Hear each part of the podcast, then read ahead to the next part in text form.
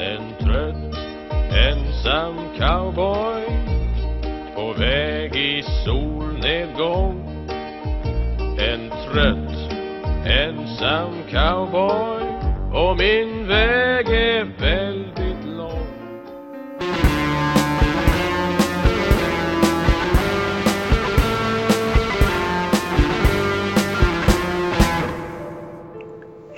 Hej och välkomna till Demonpodden. Podden där vi talar om kvinnliga filmskapare och filmerna som de har skapat. Denna vecka mer bestämt westernfilmer. Jag heter Kalle Färm och med mig som alltid har jag Aron Eriksson Hallå! och Björn Waller. Jo. Och Olof Nej, Ekström. äh, ing- inget jävla... Hej! Och Olof Ekström som väl nu för tiden verkar vara med för det allra bästa. Får se och hoppas att det fortsätter så. Ja, hej! Filmerna vi ska snacka om här ikväll är Kelly Reichardts Meeks Cutoff och Chloe Chows The Rider.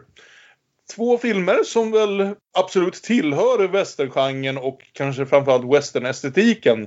Men ingen av dem kan väl ändå anses vara riktigt en traditionell western så som man kanske föreställer sig det om man har sett några gamla John Ford-filmer eller John Wayne-filmer, vilket ofta är samma sak. Det beror lite på om man, om man såklart om man tycker att en western måste vara som John Ford och John Wayne. Men, men absolut, de har ju... Det finns ju väldigt många westernfilmer som är den typen som bara av en, egentligen av en slump, inte så planerat, så har jag de, senaste veckorna utöver de här två westernfilmerna även sett John Fords Stagecoach från 1939 och Clintons The Outlaw Josie Wales som är två filmer jag hade sett förut men för väldigt länge sedan. Eh, och som liksom tillsammans med Meeks Cutoff blir någon slags utveckling av hur de vi speglar den amerikanska eh, ursprungsbefolkningen i, via westerns. Där de liksom i Stagecoach verkligen är det klassiska cowboysare och indianer som attackerar diligensen och mest bara liksom är skurkar från någonstans. Medan Outlaw Josie Wales börjar ta några steg mot att tänka att ha, det här kanske också är personer. Och sen i Mix Cut-Off så har vi liksom den helt eh, en betydligt modernare sätt att se på saker och ting om gott och ont och så vidare. Men vi kanske startar då med Kelly Reichards eh, Mix Cutoff. Lite extra intressant därför att vi har inte tekniskt sett haft ett avsnitt om någon Kelly Reichardt-film på den här podden. Men vi pratade ganska mycket om hennes senaste film, eh, First Cow, när vi sammanfattade filmåret 2020 och vi var väl allihopa ganska förtjusta i den. Så Ja, det vill jag minnas. Man märker väl en hel del paralleller i eh, hur de ser ut estetiskt och hur de är berättare, berättarstilen i alla fall kan man väl kalla det för. Jävligt Ja. långsamma. Ja, de, Ja. är jävligt, de är jävligt långsamma, ja. Men, men Ingen, långsamma... ingen av filmerna den här veckan kan väl anses vara liksom några eh, liksom hög puls, tempo, framkallande liksom eh, Michael Bay-filmer. Det är inte Saftig-bröderna. Nej, Nej. precis. Men det är klart, man Eh. kanske tänker mer på det i, i Meeks Cutoff än i The Rider för, för att Meeks är en film som... Det är en typ av historia som inte brukar berättas så långsamt. Nej, den är jätteintressant på massor av sätt. Alltså, det blev faktiskt så att utöver att jag tittat på lite westerns så, så såg, satt jag mig faktiskt och såg alla Kelly Reichardts eh, filmer utöver First Cow då, som jag redan hade sett. Så jag har sett sex Kelly Reichardt-filmer typ de senaste två veckorna. Eh, och det, hon har ju en väldigt tydlig stil. Jag skulle ändå argumentera för att Mix Cutoff någonstans inom kaninöron är den allra svåraste av hennes filmer någonstans bara i hur totalt ovänlig den är till att liksom ge publiken mer än vad de kan själva suga ur den utan att den nästan ställer sig i opposition till just vad man väntar sig kanske om man tror att man satt sig och sett en western. Men det är ju en lustig grej med Kelly Reichards filmer. Jag har också sett en bunt nu sen vi såg eh, First Cow i vintras. Det är ju det här att hon, hennes filmer kallas ju väldigt ofta för slow cinema och det är väl det ligger väl någonting i det om man säger. Men samtidigt, det är ju inte så att det inte händer. Det är ju inte det här liksom mumblecore-filmerna där folk bara sitter på ett café och pratar med varandra. Vi Det- snackar om en filmmakare som packar sina filmer med gisslandramer och terroristattacker och mexican standoffs. Så Mm. Det är bara det att allting ses genom någon sorts månghundraårigt filter där det här är en så liten, en liten, liten människa som gör en liten, liten skillnad någonstans. Eller kanske inte gör någon skillnad överhuvudtaget men försöker. Nej, exakt. Det är en väldigt spännande stil. Hon har en väldigt annorlunda stil som verkligen gör en eh, liksom, till en riktigt egen regissör. Det är ju väldigt mycket också det här att vända sig från idén om att liksom ge överhuvudtaget backstory eller en massa eh, exposition och annat på liksom vad det är som försiggår utan vi lär väldigt ofta känna hennes karaktärer genom att observera dem. Vi får liksom inte en massa runt om information om den här människan är så och så gammal och han, eh, han känner så här om de här sakerna, han har precis gått igenom det här utan vi lär oss vilka de här personerna är både i Mix Cutoff men i nästan hela hennes filmografi genom att liksom observera dem i sin vardag. Och så får vi liksom dra ur det det vi kan. Det är jävligt intressant. Trots det att hon har den här ganska genomgående stilen berättar hon som sagt väldigt olika historier med den. Och det, det tycker jag är sjukt fascinerande. Just det du sa om gisslandrama, det finns ju inget lågmäldare gisslandrama jag någonsin har sett än det som försiggår i, i Certain Women. Men Nej, det är ändå liksom, liksom ändå någonstans följer det man tänker på som ett gisslandrama när man har sett i 20 tv-deckare intressant sätt att se historier vi kanske någonstans tror att vi skulle vara bekanta med. Och det för oss väl in på Mix Cutoff som ju är hennes första av två westernfilmer. Egentligen hennes första film som passar in i någon form av genre överhuvudtaget. Utom kanske bara liksom drama. Och det känns också som en film som faktiskt borde gå att sammanfatta på sådär 60 sekunder. Vem vågar sig på det? Meek är en trött ensam cowboy i Oregon 1845. Han är nu guide åt tre familjer som ska flytta som ska flytta västerut för att se till att det blir Amerika och inte barbari av platsen. Och denna gode Mik, uh, äh, han är ju en charmig guide men han är inte så bra på just det här guidandet. Så hans genväg blir något av en senväg. Och det finns inget vatten där han leder sällskapet. För att hitta vatten så fångar de en indian som finns där som de kan projicera sina demoner på. Och så undrar vi, ska de hitta vatten? Det är ju en väldigt intressant film och båda de här filmerna är ju intressanta i det att de typ berättar en verklig historia eller i alla fall liksom tar avstamp i verkligheten men sen säkert liksom polerar eller retuscherar upp liksom vissa bitar av det för att passa in i, i mm. regissörernas bild av det hela. Meek är liksom en riktig person. Meeks cut-off är en riktig grej som helt enkelt var att när alla, alla de här som försökte, skulle finna lyckan på västkusten försökte ta sig kring The Oregon Trail så fanns det några sådana här cowboys som liksom trodde sig ha en bättre väg och skapade liksom sina egna av, eh, avstick och genvägar eller hur det nu var för att liksom komma, eh, kom, ta sig bättre på den här svåra resan. Så eh, The Meek Cutoff är en riktig sak. Eh, som Meek trodde sig hitta och sen försökte få folk att följa för att han trodde att det skulle funka bättre. Liksom. Jo, det är ju liksom en mashup av den verkliga historien, det här gamla dataspelet Oregon Trail och, och eh, Tant Grön, Tant Brun och Tant Gredelin. Ja, de har Men... fina klänningar damerna. Ja. Mm. Och eh, nedskalat eh, antagligen rätt rejält för att få den här mer intima dramat. För att i, i verkligheten vad jag förstod när jag, när jag läste om det så var det väl betydligt fler eh, folk han hade med sig den här Mik. Det, det, tror jag ju säkert att det var. Vi börjar ju filmen med Ja, det, är liksom, det ekar både av eh, pianot som vi snackade om förra veckan och även jag tänker öppningsscenen i eh, Agirre. Mm. Liksom de här civiliserade människorna som är på väg genom vildmarken med alla pinaler de har. De har med sig, de har med sig gungstolar, de har med sig en liten bur med en kanariefågel i. De här tre familjerna som ska ut och kolonisera västkusten. Och det, det är så uppenbart att de inte hör hemma här. Och för att göra detta extra tydligt och för att matcha eh, Zack Snyders eh, artistiska vision så presenterar ju då Kelly Reichardt allt det här i 4.3-format. Det är alltså gammal tjock-tv-format. Vi ser ju alltid annars den här western i den här gigantiska liksom cinemascope-projektionen. Men här är allting litet och instängt. Du får knappt plats med två personer i bild samtidigt. Alla är så väldigt ensamma här ute på prärien. Vilket också är exakt samma sak som hon gör sen i First Cow. Så det är någonting hon verkar tycka passar just westerns väldigt väl. Vilket ju väl är också just det att om man... Visst att ett tag där var liksom Cinemascope. Om man tänker på Sergio Leone och eh, liksom hans stil av western 60 och 70-tal. Så var allting enormt mycket widescreen. Så jävla widescreen det bara kunde bli. Men om man går lite längre tillbaka just som sagt John Ford och John Wayne. Då såg ju western ut så här.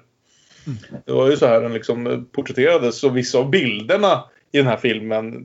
Som precis som alla Kelly Reichards filmer är liksom otroligt jävla fotograferad skulle ju kunna vara John Ford-bilder. Bara det sen att hon använder det för att få en helt annan effekt. Och framförallt tempot är ju någonting hon verkligen ändrar från den klassiska western där det liksom alltid är pang-pang i luften. Precis. För Alltså, allting går ju extremt, extremt långsamt här. På natten står allting helt still. Det är beckmörkt på natten. Det är inga spännande intriger i natten. Det är bara mörkt. Och det matchar ju liksom sättet att ta sig fram på. För de här tre familjerna har ju då, förutom Meek själv som sitter till häst som den western original slash cowboy han är. Så har de ju, de har tre stycken oxdragna vagnar men de kan ju inte åka i vagnarna. Herregud, oxarna ska ju hålla på att dra en massa vatten och gungstolar och grejer. Så de gör vad alla människor gjorde som inte var rika när de ska någonstans före sig sådär 1860. De går till fots. Mm. I liksom de här barhytterna och klänningarna och farmarhattarna. I, genom en vildmark där det knappt finns något liv överhuvudtaget så går de.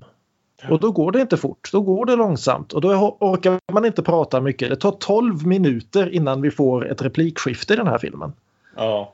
Och eh, det ska också sägas så här att trots att det här är en film som har åtminstone tror jag om man är liksom något, alltså det är inte storkändisar på det sättet men det är i alla fall en fyra, fem skådisar man känner igen om man är något så väl liksom invand vid amerikansk film.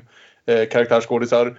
Ett bra tag i början håller sig kameran så pass långt borta att man inte känner igen någon av dem de första tio minuterna. Utan vi liksom observerar det här på avstånd och Michelle Williams eh, som ju är en av de bättre skådespelerskorna de senaste, av, från amerikansk film de senaste 20 åren. Det tar sådär en kvart innan vi faktiskt får en närbild och kan se att det är hon.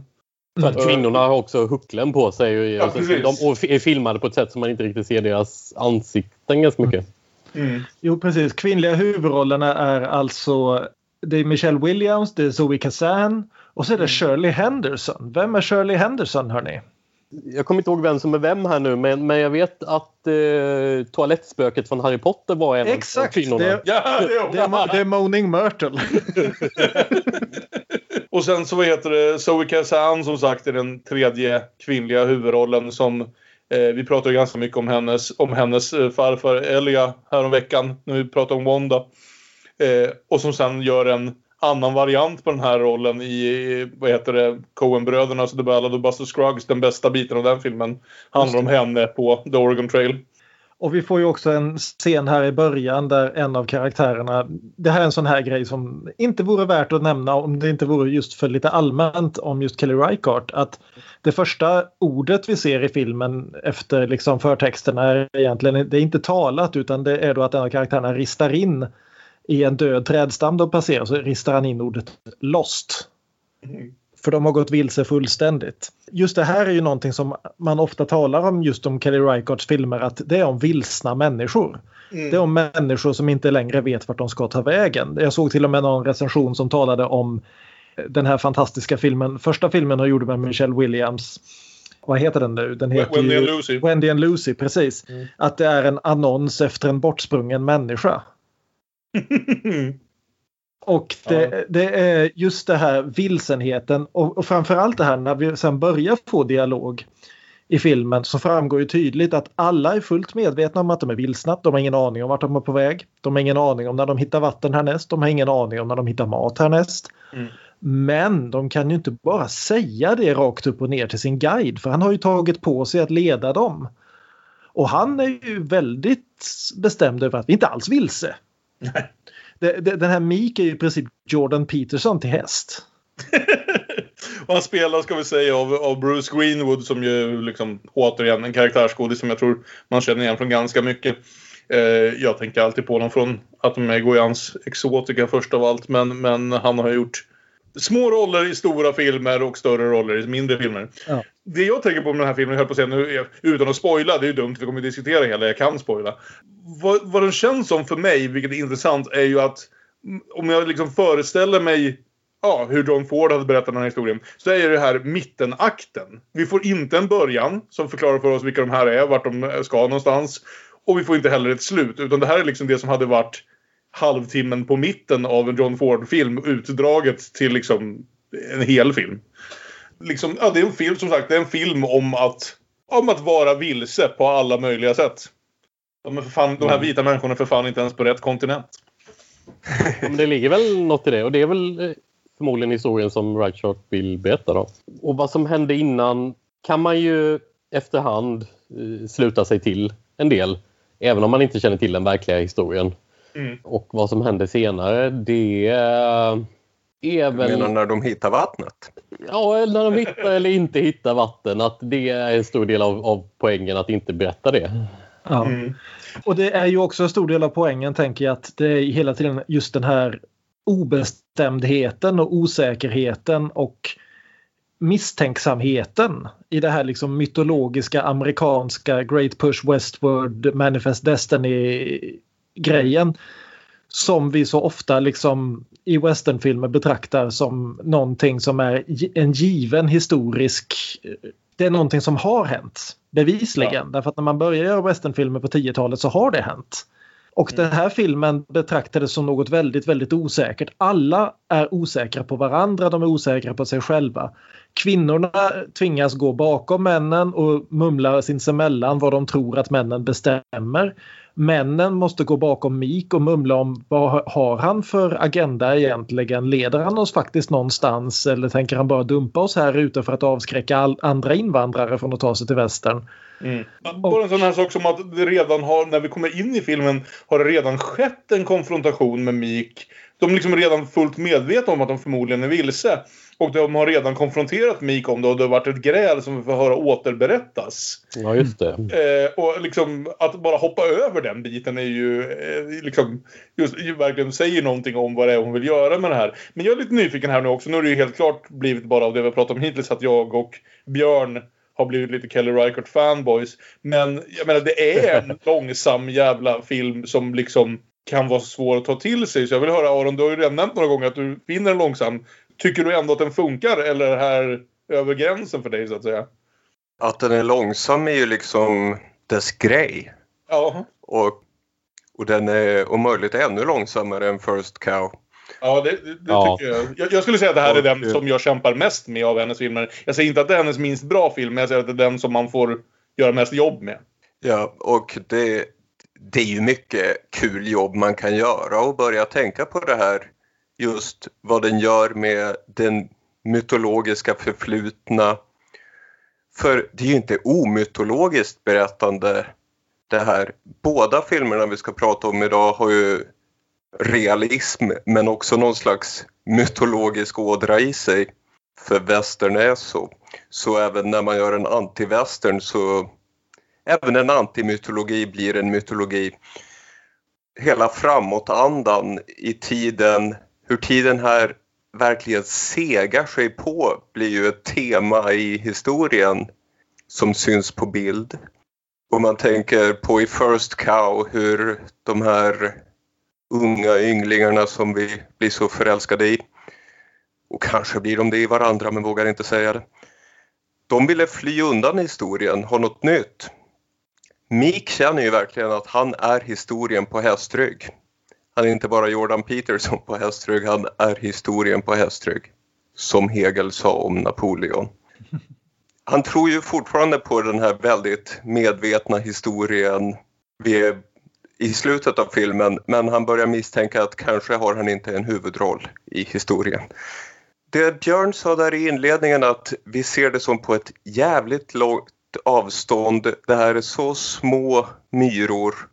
De eh, gör kanske en liten, liten skillnad men det betyder en fjärt i vinden i den stora historien.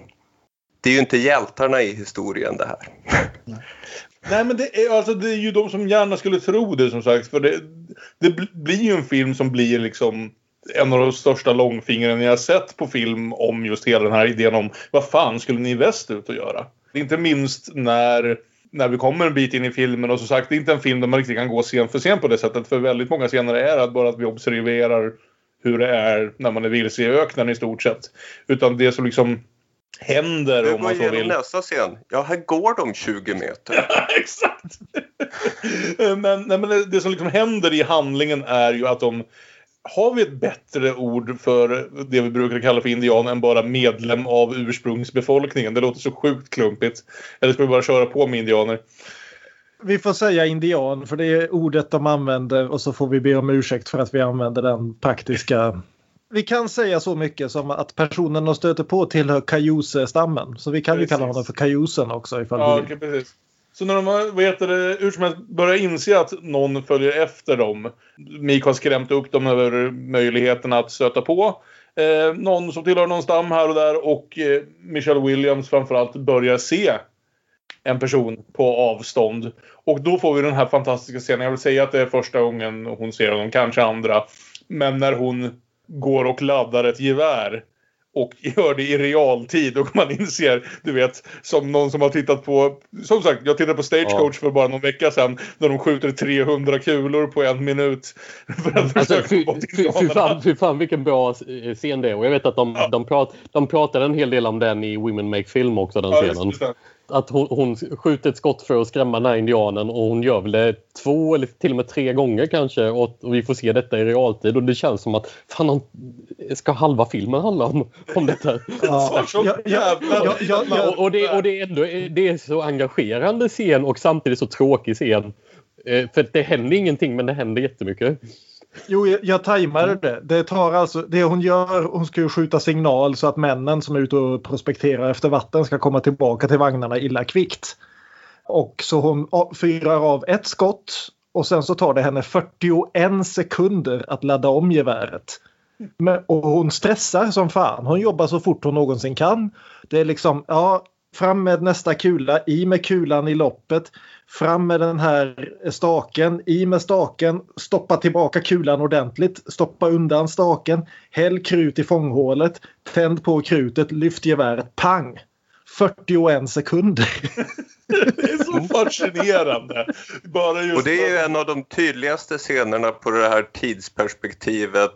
Att det inte är en realism som vi är där med om. För när vi ser det här så tänker vi ju bara fan vad lång tid det tar. Fast När inte hon är bara där tycker jag. så är det jobba snabbt, jobba snabbt. De var precis lika stressade som vi är. Men blir man inte lite stressad av att det går så långsamt då? Jo, Man, man, blir, man blir ju ändå stressad av det. Mm. Mm. Jag blev det i alla fall. Ja. Nej, just med kameran på så långt håll så tycker jag vi ser det här utifrån. Vi betraktar det som någonting främmande. Se vad lång tid det tog förut.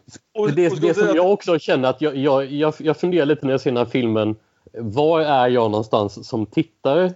Eh, och, och, och det känns, eftersom filmen ger mig väldigt lite information. Jag måste tänka hela tiden vad är det som händer och vad håller folk på med. Det känns ju som att jag är där längst bak i tåget med, med, med kvinnorna som inte får veta någonting. Som måste gå, Mm. Jag går typ bakom kvinnorna och försöker lyssna på kvinnorna när de diskuterar vad männen har sagt om vad Mik har sagt. På det sättet så dras jag ändå in i den här historien. Olika det- perspektiv på det här. Ja, ja, men alltså, och, och det är väl det här någonstans. Jag vill säga att det som just har hänt varför männen inte är med dem är att de faktiskt har hittat vatten och man tänker ja men det här var ju en kort film. För de hittar en stor jävla flod här mitt ute i allt. Men den visar sig vara oduglig. Mm. Jag tror inte det är en flod, det är, det är nog en sjö faktiskt. Ja, Och okej. eftersom den är mitt ute i en öken så gissar jag att det är en saltsjö. Ja, precis. Men de förklarar i alla fall att de kan, inte, ens, inte ens oxarna kan dricka det här. Mm. När, när de nu vet säkert att det finns en indian som följer dem och Mik då drar på stora liksom, historieberättargrejen liksom, om hur blodtörstiga de här vildarna är och de vill inget hellre än att döda vita och de smyger sig på och du ser dem inte förrän de, de skär halsen av dig och bla bla bla bla bla. Well, frankly, I'm amazed. Miss Tethero saw this redskin live to tell the tale. I mean, you rarely see hide nor hair, Well, hostile to heat just jumps you and cuts your throat. And they disappear in their own shadow. I mean, they gotta hide under wolf skin so quiet. I mean, you step on them before you know it. And when one red skinhead says a dozen more, just lurking nearby. And they all are on by now. Och reaktionen framförallt då på Emily, alltså Michelle Williams karaktär, är ju då helt enkelt att börja fråga sig kan vi alls lita på den här galningen som säger sig leda oss? Hennes första reaktion är att betvivla historieberättaren, inte att bli mer rädd för den här indianen som skrämde slag på henne också. Mm. Visst att vårt perspektiv är långt utifrån men det är ju ändå Michelle Williams som vi följer någonstans. Det är henne mm. vi i första hand väntas sympatisera med. Samtidigt som sagt hon har hållits på längre avstånd än de flesta av Kelly Reichardts huvudroller. Jag skulle säga att alla fall de allra flesta Kelly Reichardt-filmer har ändå en tydlig huvudroll som vi förväntas, om inte sympatisera med i alla fall liksom identifiera oss med. Mm. Eh, när det är Jesse Eisenberg. Och vi är längre ifrån här. Vi släpps inte lika nära på Emily som vi i vanliga fall gör med, med Megan Reichhards huvudkaraktärer. Så visst, just det gör att det nästan känns som att liksom se något på avstånd och veta vilka de olika typerna är. Men jag är med Olof. Det är, man vet inte riktigt vilket perspektiv man förväntas ha här. Liksom. Var, vart ens sympatier förväntas ligga heller. Det är, känns ju som en film där det hade varit fullt möjligt att den hade tagit en sån vändning att vi inte längre hade eh, kände att vi hade kunnat identifiera eller sympatisera med Emily efter ett tag heller. Det är verkligen extrem, det mest extrema fallet av just det här jag sa. Att man lär känna Rykards karaktärer genom att observera vad de gör. Inte för att de får långa mm. monologer om sitt inre liv. Eller berättarröster eller annat. Man hålls alltid på ett visst avstånd och får lista ut vem den här personen är. Och eh, här får vi mindre mm. information än någonsin just därför att när vi kommer in i filmen, alla de här människorna känner varandra. De har inte mycket anledning att liksom prata med varandra för att säga hej, vem är du, vad gör du för något? De gör inte så väldigt mycket olika saker utan de gör det de gör. De traskar genom öknen, de eh, vad heter det, samlar på sig lite pinnar och vatten när de kan och försöker ta hand om oxarna och reparera någon vagn.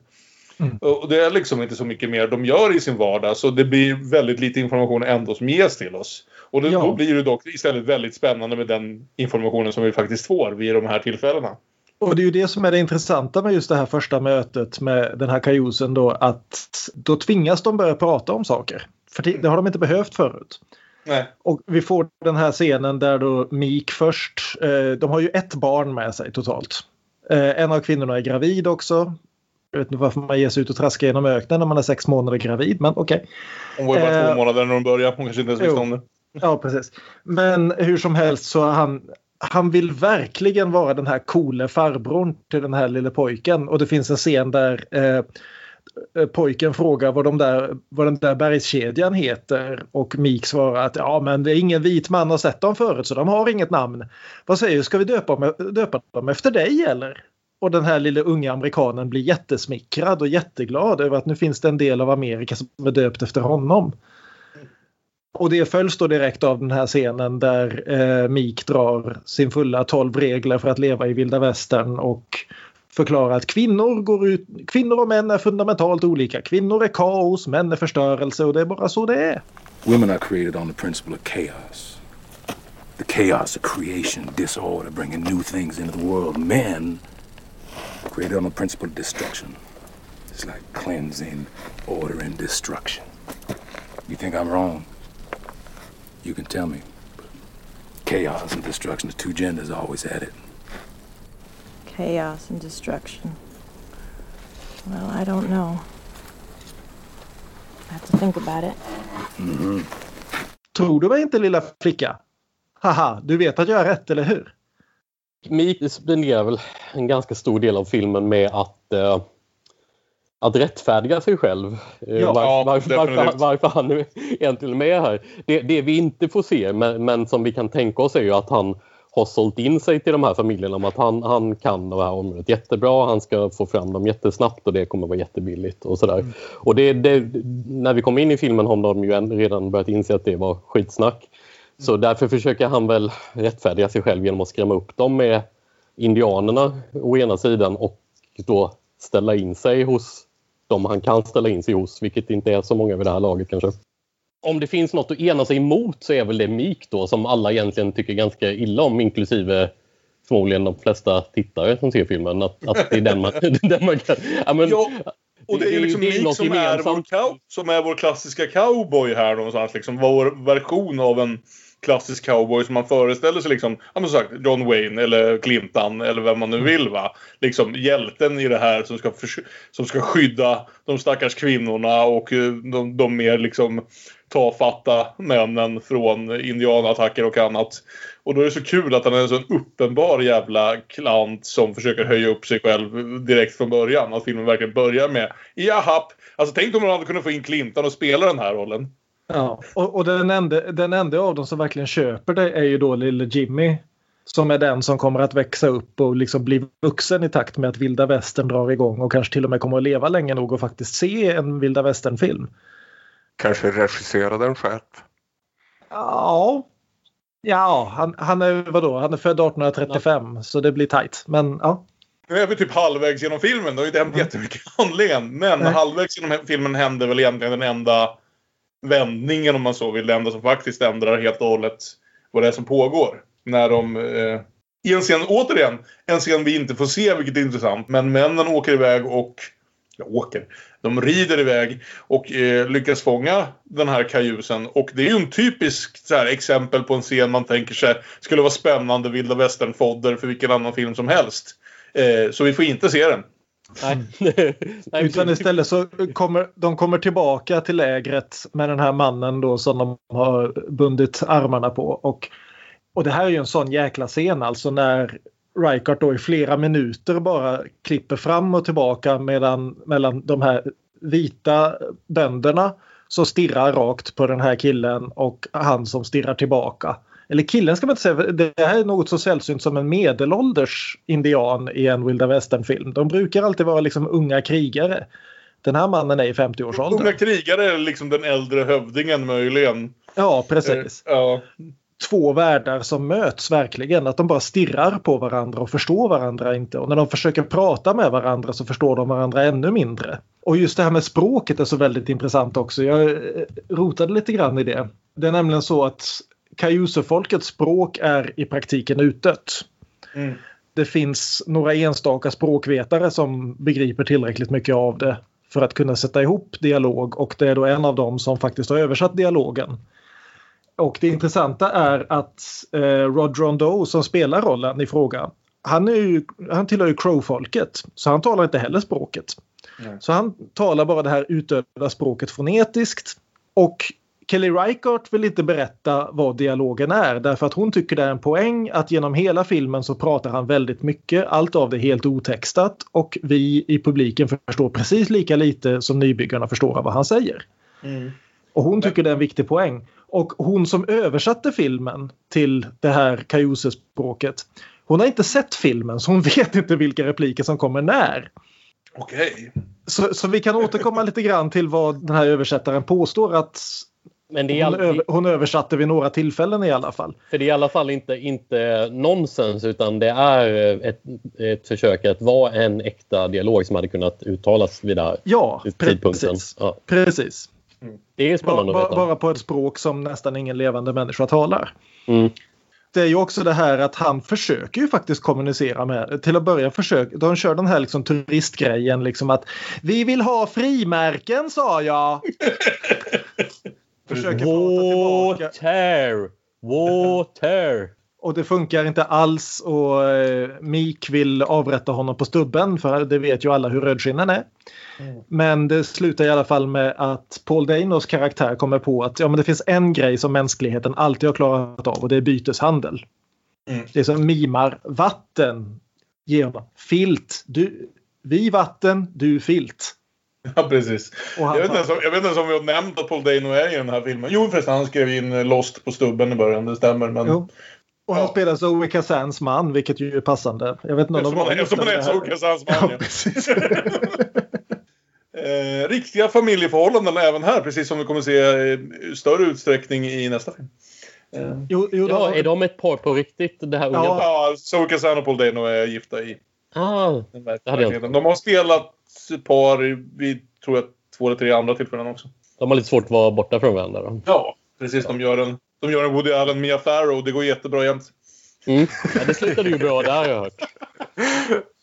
Och du har i alla fall den här scenen då efter att de har kommit fram till allt det här och så på, på natten då sa företagaren att ingenting händer om natten. Här händer ju faktiskt något om natten eh, när då Emily vaknar och hör att den här indianen sitter och pratar med någon. Och den han sitter och pratar med verkar ju vara månen.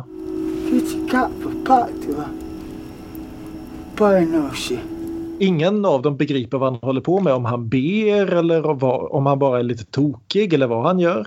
Och enligt vad den här översättaren påstår så sitter han då och försöker liksom resonera med sina gudar. Liksom, vad fan är det här? Vad är det här för konstiga typer? Finns de eller drömmer jag? Kan någon vara så här korkad? Han säger att han saknar sin bror. Om bara hans bror fortfarande var i livet så skulle allting ha, skulle det inte ha gått så här och bla bla bla. Men det enda som de ser är ju den här bundna indianen som sitter och pratar med stjärnorna. När jag sa att inget händer så menar jag att det är lite handlingen i filmen. Hur mm. still det står. Så de följer i alla fall efter honom. Han går först och pratar för sig själv. De följer efter och undrar vart leder han oss egentligen? Kvinnorna frågar männen hur långt är det kvar? Och männen försöker låta som att de vet. De har ingen aning. De har verkligen ingen jävla aning. De är mitt ute i ingenstans. Ja, presenterar ganska lite handling eller saker som har hänt. Men vi är ungefär två tredjedelar genom filmen nu. De har gått säkert 200 meter. Ja, precis. Men just det här att låtsas att man vet vad som händer. För det blir ju lite temat här. För de märker att den här kajusen lämnar några attiraljer efter sig. Vad betyder de här? Lämnar han ledtrådar till sina kumpaner som ska komma och slakta dem? Är det bara Nej, det är religion. Och det är en replik här som är så härligt desperat. We caught him signaling to someone, leaving word behind. I caught him myself. Look at this. Look at this. It means something. He, he's been making them every step of the way. What does it mean? Well, hell if I know, but it means something to somebody. Det, det är här de verkligen jagar meningen. Mm. Gärna en fiende. En fiende är alltid bra att få till mening. En konspiration kan förena. Fan vad de försöker här. Mik har ju också väldigt mycket att vinna på att de är rädda och att de därmed behöver honom mer. Mm. Precis. Han vill ju det är så han ska förena gruppen. Ja. Mm. Det är hans ledarskap. Och även här ska vi säga att någonstans här så ställer sig Kajusen eh, när de väl tar lite paus och skapar någon slags liksom, väggmålning på en klippa bredvid och eh, som ser ut väldigt mycket som den där, kommer ni ihåg den där konstiga vet klippmålningen som de försöker tyda i Twin Peaks? Jag säger att de bara... men, eh, men, och Michelle Williams kommer på den här ganska smarta idén att erbjuda sig att eh, reparera hans sko. Eller mockasin. Och när hon blir utfrågad om varför hon gör det här så är det ju, är väl det hon säger att så att han ska veta att vi har gjort något för honom eller rättare sagt så att han ska veta att vi också kan vara av nytta för honom. Alltså ett, ett sätt att närma sig honom på en rent liksom, praktisk punkt. Jag kan laga dina kläder. Ja. Det är intressant att hon drar igång någon monolog mot honom här. Och liksom när hon visar upp den här nål och tråd du har ingen aning om vilken teknologi vi har, vilka städer vi har byggt och sen så inser hon halvvägs in i den meningen liksom att här står de liksom barfota mitt ute i öknen och inget av det där betyder ett skit. Nej. Nej precis, man undrar hur strategiskt det där skollagandet var eller om det bara var vi angår varandra, klart du ska ha en hel sko. Det är ju också intressant att faktiskt försöka, precis som de gör, att försöka lista ut lite vad det är han, han gör kajusen på den här resan. Om han också är vilse vad hans liksom, syfte var med... Har han följt efter dem för att han tänker de vet säkert vad vattnet är? Om man vill få det spoilat. Ja, så enligt vad översättaren påstår så säger han att han ska föra dem till vatten och han säger det även till sig själv när han håller egna monologer. Mm. Så han är ärlig. Han ska föra dem, han vill föra dem till vatten. Mm. Det fattar man ju också att han vet mycket väl att han har inget sätt att få dem att tro honom att han ska göra det. Men vi kommer i alla fall fram till någonting som ser ut att vara, de kommer fram till en stor ravin. Mm. Och, och nu kommer den stora actionsekvensen i filmen. Ja, precis. För de måste ta sig igenom den här ravinen. För eh, Emily tror då att det han, står, det han säger där han står där uppe på åsen och gestikulerar mot berget bortanför. Så han säger att det finns vatten på andra sidan. Det måste vara det han säger. Det kan inte vara något annat. Det han i själva verket säger är att han står och berättar en berättelse om hur hästarna kom till, till världen. Så de måste ju ta ner de här vagnarna i ravinen. Och eftersom detta trots allt är en westernfilm så går den första vagnen bra. Den andra vagnen går bra. Den tredje vagnen brister repet och vagnen rasar iväg, slås i småbitar, det sista vattnet rinner ut. Och Meek får Det, är ju, det säger ju något om att vi är så inne, vid det här laget i alla fall jag, är så inne i den här filmens tempo. Så den här långa sekvensen, återigen, vi får se alla detaljer nästan av vad som sker. Eller inte egentligen, det är en fem minuters sammanfattning av vad de förmodligen hade behövt göra under en eftermiddag. Liksom. Men att det blir en riktigt spännande sekvens av det här. Att långsamt, långsamt rulla ner vagnarna bundet i ett rep. Liksom. Att det faktiskt någonstans börjar funka som en spänningssekvens. Alltså, Ke- Kelly Det har Reichardt- du rätt i. Ja, Där Kelly var jag Reichardt också med. Ja, Kelly Reichardt må vara liksom en regissör som föredrar ett långsammare tempo. Men det betyder inte att det är utan spänning. Om man tittar på hennes, liksom, några av hennes andra filmer med... eh, Ja, Night Moves är ju den som mest direkt är liksom thriller. Så lyckas hon få fram en jävla spänning i den filmen trots att den rör sig i ett liknande tempo. Lite mer händer i Night Moves. Men, men det är ändå liksom inte den mest actionpackade thriller man någonsin har sett. Jag skojade bara liksom till hälften när jag säger att det är den stora actionsekvensen i scenen. Eller i filmen. Eh, Jag satt och liksom tänkte att det här kommer förmodligen, som Björn säger, följa liksom tre-regeln. Att det kommer skita sig precis på slutet. Men, men det var lite liksom spännande att följa. Och sen så liksom går det ju rätt in i att folk börjar dra vapen på varandra. Vilket ju också är en sån här sak som vi är Ja, vana att se i många andra westernfilmer. vi får en gammal hedlig mexican standoff. När Meek håller upp sin one-shot pistol och pekar den rakt på kajusen därför att nu har han bevisat att han inte är pålitlig. Därför att han borde ha fattat hur vagnar fungerar. Jag vet inte. Nå- något sånt. Och, och han håller på att plocka, de håller ju på att plocka upp allt som går att rädda från det här vagnvraket också. Och han håller också på att plocka bland sakerna där. Så han har ju bevisat att han är en tjuv precis som han sa hela tiden att alla indianer är tjuvar. Och Emily vill inte, det ska inte vara så här de går in i västern. Så hon håller upp den här bössan som tack och lov är laddad. Eller det vet vi i och för sig inte om den är. Nej. Och riktar den mot Meek istället. Och vi har en lång standoff. Som då slutar på meningen att hon säger till honom rakt av att det spelar ingen roll vad du gör nu. Du har visat oss att vi kan inte lita på dig. Du har inte en aning om vad du håller på med. Du är precis lika vilsen som vi. Och det kan han inte längre förneka. Och då kan han lika gärna stoppa undan pistolen. Men att Meek skulle ha avsiktligt eh, lurat eh, familjerna på något sätt, det har jag svårt att tro. Men de misstänker ju det, men han har ju blåst upp sig själv på ett sätt Ja. som Ja. är totalt oförtjänt. Jag får ändå känslan av att han går och tänker att de här, de här familjerna förtjänar nog det lite grann. Jag fick känslan av att han går ner och ser ner på dem lite grann. Ja, men direkt när de, när de vad heter det, kommer till den här Saltsjön så bryter de ju från eh, Meeks cut-off. Och alla de andra männen kommer överens om att gå norrut när Meek säger nej, nej, nej, söder, söder, söder. Så efter det är jag en biten, för det är ju inte ens han som bestämmer vägen längre. Just det. Ja, det har du rätt. Ja. Men, däremot, men, men trots det så, så fortsätter han ju ändå att... Han, han fortsätter ändå att försöka spela rollen av någon slags Absolut, ledare. jag, jag, jag tror inte heller att det ligger något. Jag tror att du vet den här konspirationsteorin de har om och att han skulle jobba för någon annan och ha en massa liksom egna motiv till att driva dem åt helvete. Liksom, eh, det tror jag är lika felaktigt som alla konstiga teorier de har om vad Kajusen gör där och vad han säger och gör och så vidare. Va? Det är bara liksom den typen av paranoia som infinner sig när man är vilse i öknen och bara kan prata med typ sju personer. Eh, jag tror Meek har klantat upp det här Ja. har klantat det här åt helvete men jag tror inte han gjorde det för att han liksom hade något annat motiv. Nej, men, men du har ju den här i Jordan Peterson-scenen där tidigare när han när han går rakt på och frågar. Jag slår vad om att du tror att vi är vilse, eller hur? Ja, det är vi väl, säger Michelle Williams. Nej, där har du fel flicka lilla. Vi är absolut inte vilse. Vi är kreativa. Liksom. Det... Ja.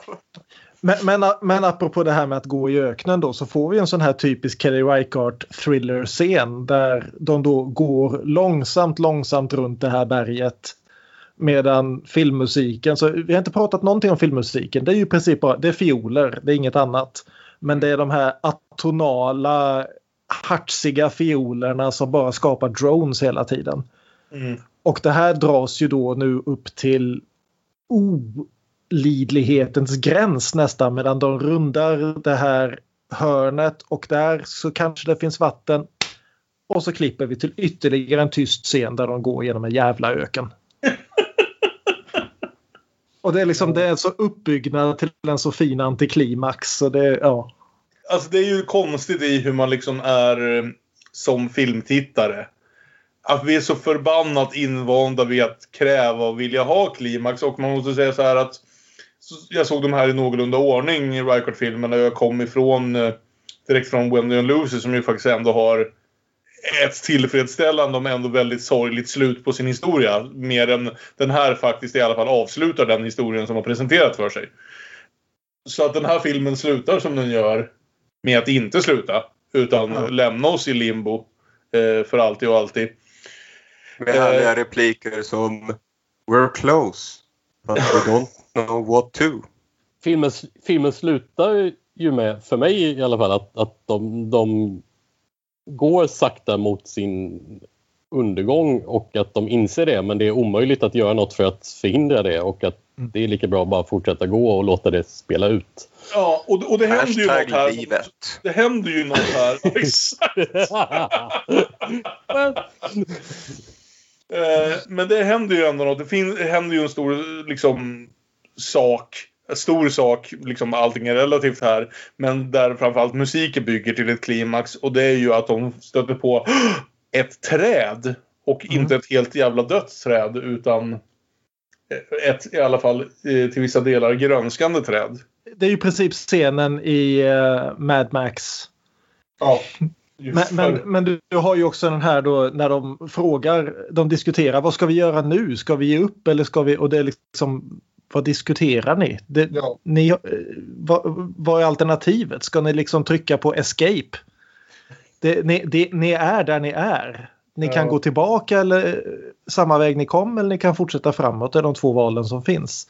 Och gå tillbaka känns inte som ett alternativ. Speciellt som då måste de upp i den där jävla ravinen igen. Och Meek då försöker sälja det här som att det är ödet. Han säger rakt ut liksom att I'm taking my orders from you now, Mr. Tetherow. Miss Tetherow. And we're all taking our orders from him, I say. We're all just playing our parts now. This was written long before we got here. I'm at your command. ingen bestämmer här längre. Det här skrevs ner tusentals år innan vi kom hit. Vi bara spelar våra roller nu. Och det parerar då Reichardt med att Kajosen fortsätter börja gå mot horisonten och kastar ett ögonkast över axeln och Michelle Williams möter hans ögon genom det här grönskande trädet. Och de titt- återigen sån här lång, lång, tyst blickutbyte fram och tillbaka och sen fortsätter de bort mot horisonten. Och där slutar filmen. Och det är liksom... Han fortsätter det- bort mot horisonten i alla fall. Ja. Jag tror att Mm. man liksom vet inte riktigt än om, om, om de tänker följa efter honom längre eller om det här är där de slutar lita på honom och går åt ett annat ännu sämre håll. Han verkar ha sin väg, sin idé om vart de borde gå. Ja. Men om de tänker följa efter honom lämnas liksom lite öppet. Men jag gillar just den här liksom filmiska berättandet här. Att du har å ena sidan så har du filmen Skurk som säger att finns, spelar ingen roll vad vi gör, allt är förutbestämt. Mm. Och å andra sidan det här tysta blickutbytet mellan två människor som på pappret inte kan känna varandra och ett beslut. Men, men som ändå på något sätt, det, det, av det lilla liksom vi får av filmen känns som de två klokaste människorna kring, Ja. kring allt det här. Det ska ju sägas att det här manuset, precis som de flesta av hennes manus, eh, är skrivet av John Raymond som ju är en, en för, alltså, vad heter det, författare av romaner och Eh, säger vi short stories, alltså korta, kortare noveller. Eh, annars, två, hennes två tidigare filmer där, eh, Old Joy och When I Lucy, är baserade på historier av honom och eh, efter det blev de helt enkelt kompisar och började skriva film ihop. Så eh, han är ju liksom delaktig i den här speciella Rycart-tonen. Eh, vad heter det? Den enda, han in, den enda av hennes Eh, senaste filmer som han inte har varit med och jobbat på var Certain Women och den filmen sticker ju lite ut faktiskt i hur den är berättad också. Man märker hans inflytande på de historier som är där. Att han, han är del i det här att vilja berätta minsta möjliga berättelse och det vore nästan intressant att läsa något av honom bara för att se hur, hur om, om hans författarstil liksom rent så faller in i det här också. Om det är därför de liksom har hittat varandra så väl. Sen, sen kan vi ju säga det också att precis som Chloe Zhao som vi ska prata om alldeles strax så skriver ju Kelly Reichardt, skri, hon är ju med i manusarbetet också och hon klipper ja. också sina egna filmer. Mm. Eh, delvis därför att det, det, är inte någon jättebudget här direkt. Det, det, är en sån där kul grej när vi snackar slow cinema ändå. Alltså att uh, Kelly Reichardt gjorde sin debutfilm 1994. Sen tog mm. det henne 12 år att få ihop pengarna till nästa film. Men och, den, dess... och den filmen, det ska vi säga, Old Joy, alltså hennes andra film, är kanske den minsta film jag någonsin har sett. Det är bokstavligt talat den filmiska motsvarigheten till en promenad i skogen. Men, men sen dess så har hon ju pumpat ut ganska stadigt en film till sådär vartannat, vart tredje år. Och inte till några stora budgetar men hon måste ju ha en sju helvetes arbetsetik alltså. Mm. Att dels kunna få ihop de små pengar hon behöver till sina filmer och sen se till att få ihop de fantastiska skådisuppbåden hon har. Och se till att få filmerna gjorda och få ut dem. Jag, jag, tror att Wendy and Lucy var en sån här relativ succé, alltså om vi talar om liksom, ja. den, inte att den på något sätt spelade in liksom Avengers-pengar, men att uh, den landade framför rätt ögon och så vidare. Va? För uh, det vet jag ju är en så här enormt älskad film och att eh, det nog gjorde att hon kunde få ihop budget för att göra något sånt här som jag ändå visste att det är typ åtta personer i den här, åtta personer och en öken i den här filmen, men direkt du ska behöva ha lite liksom kläder som matchar eh, matchar en annan tidsålder eh, och eh, lite, vad heter det, jag höll på att säga husvagnar, det är det inte, men lite vagnar att slå sönder och så vidare och dessutom lite fler skådisar som folk faktiskt känner igen. Så, så börjar vi prata om lite andra pengar som krävs. Så jag tror att här, den här, när den här filmen kom så såg jag den inte, men jag visste direkt att den fanns så att säga. Det var nog första gången jag uppmärksammade att hon var en person som regisserade film. Ja, men vart landar vi på det här och vad säger du till slut Aron? Du tycker att det funkar ändå som en film eller är du är det här inte för dig? Jo då, det här är för mig. Ja. Jag tyckte inte riktigt lika mycket om den som First Cow. Det gjorde inte jag heller. Eh, det ska jag ju säga. För just för det här att... Eh, som sagt, i vanliga fall så ger hon mig i alla fall några karaktärer som jag faktiskt tycker om att haka fast vid. Eller i många av filmerna. Och eh, det finns ju inte riktigt här. Alltså... Em Emily och, och Kajusen är väl inte otrevliga men inte som att vi lär känna dem liksom på något intimare sätt på det sättet vi gör med Cookie och eh, Kung Lao i First Cow. Vänta nu. King... Kung Lao i Mortal Kombat. King Lu. King Lu. King Lu, precis. Jo, nej, nej, men hon gör ju väldigt ofta såna här extremt intima karaktärer. Jag tänker på uh, Certain Women är ju väldigt mycket det. Mm. Och jag skulle vilja säga att den halvfunkar i två av tre och funkar extremt väl i den tredje. Jag gillar det. Jag tycker, jag tycker faktiskt Certain Women funkar rätt upp och ner. Den och Wendy and Lucy är mina favoriter. Jag, jag tycker Certain Women, de första två liksom, episoderna i den är bra men den tredje är så fantastisk att den övertrumfar ja. dem. Ja. På så vis är det intressant att hon liksom gör fjärmar sig från karaktärerna så väldigt här. Ja. Men samtidigt så tvingar det ju också oss att gräva efter det därför att det finns inget annat än karaktärerna i den här filmen. Det händer ingenting utöver inom karaktärerna. Nej, precis. Du har inte ens liksom några så... vilda ljud, har inga indianattacker, du har ingenting sådant utan det är liksom det finns ingen antagonist överhuvudtaget förutom att fortsätta ta sig framåt. Nej. Björn, jag minns att du var jävligt glad i den här när den kom. Och ja. jag tänkte se den men det blev inte av. Hur står det sig tio år senare? Jag tycker den står sig väldigt bra. Um, det var kul att se den nu efter att ha sett lite fler Kelly Reichardt-filmer också. För länge var ju det här den enda Kelly Reichardt-film jag överhuvudtaget kände till. Och liksom se hur den platsar, hur den lirar ihop med dem. Mm. Jag tycker fortfarande det är en fantastiskt vacker film. Ja. Men, men också en en film som tvingar en att jobba för den där skönheten därför att som sagt allting är så instängt ute på den här öppna prärien. Allting är så ensamt, allting är så litet. Men liksom sättet hon fångar den här stillheten och det här arbetet det är att bara fortsätta existera. Mm så oerhört vackert. Sen skulle jag, jag skulle väl inte sätta den som hennes bästa film. Eh, jag skulle väl säga att det är hennes tredje bästa just nu.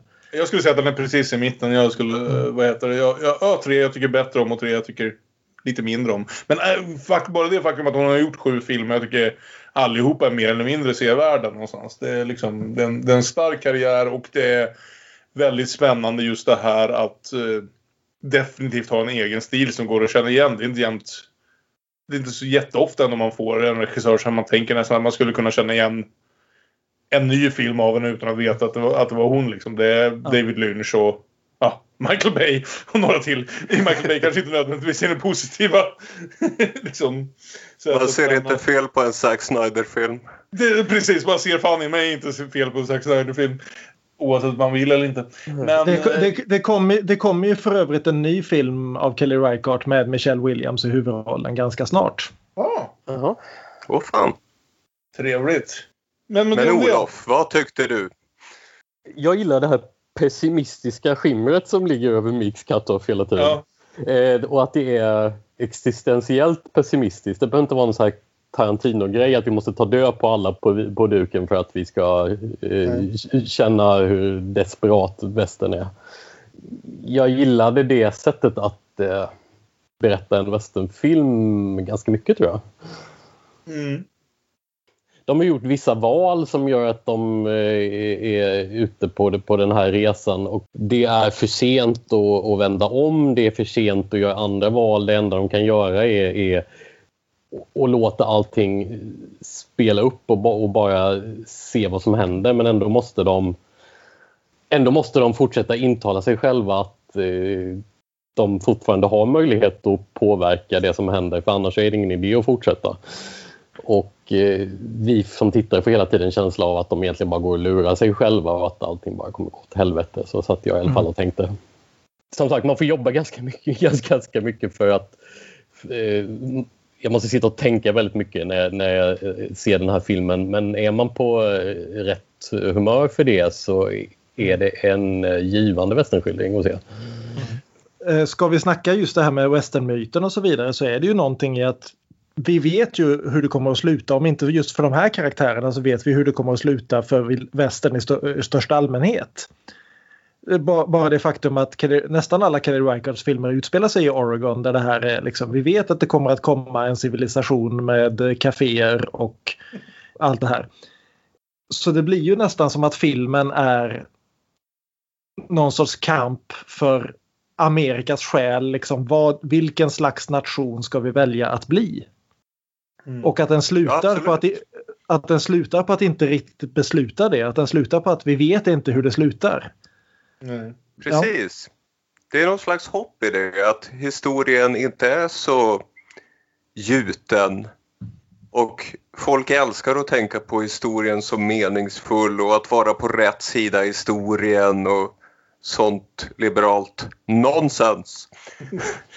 Men det är ju bara kaos. Historien är en kvinna. Å andra sidan, å andra sidan så eh, säger den här filmen att vi vi har mindre makt förmodligen över våra liv än vad The Rider försöker berätta.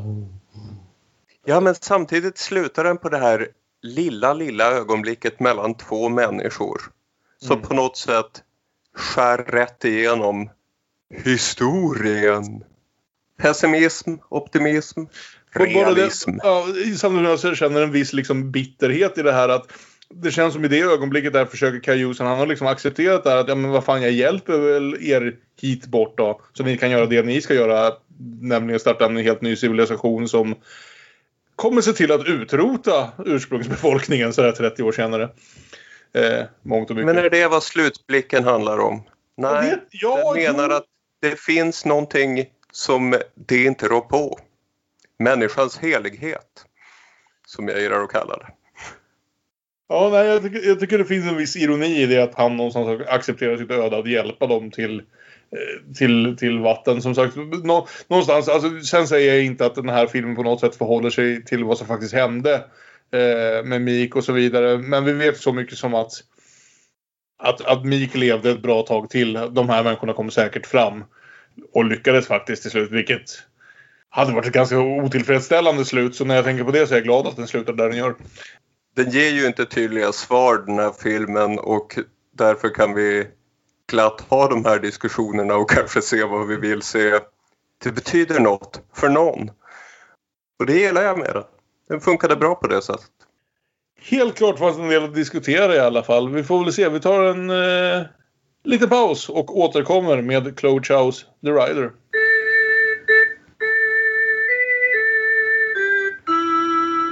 Chows The Rider är kvällens andra film och Chloe Chow just nu är ju ytterst aktuell med Nomadland, en film som jag väl tror att Björn har hunnit se eh, och som ju är nominerad till allehanda Oscars. Vi kan säga det här, eh, vi spelar in det här nu en vecka innan årets eh, Oscarsgala. Och eh, jag tänker spendera den kommande veckan med att se alla de viktigaste filmerna. Men än så länge har jag inte hunnit fram till Nomadland. Den, den Ja. är värd att se ska jag säga. Jag vet inte om jag är Ja. fullt så översvallande förälskad i den som en del verkar vara. Jag, som sagt, jag, jag tycker det hade varit minst lika intressant double bill som den här som vi har gjort här nu. Det har ju varit att köra Wendy and Lucy och Nomadland. Ja, det hade Som är två också. väldigt likartade filmer på många sätt och vis. Jag tänkte att jag hade kanske landat lite nära där vi låg med Wanda och eh, vad heter det, den andra mamman. Den andra mamman stack ju iväg lite mer men just Wanda och Wendy and Lucy såg jag en del släktskap emellan när jag såg den.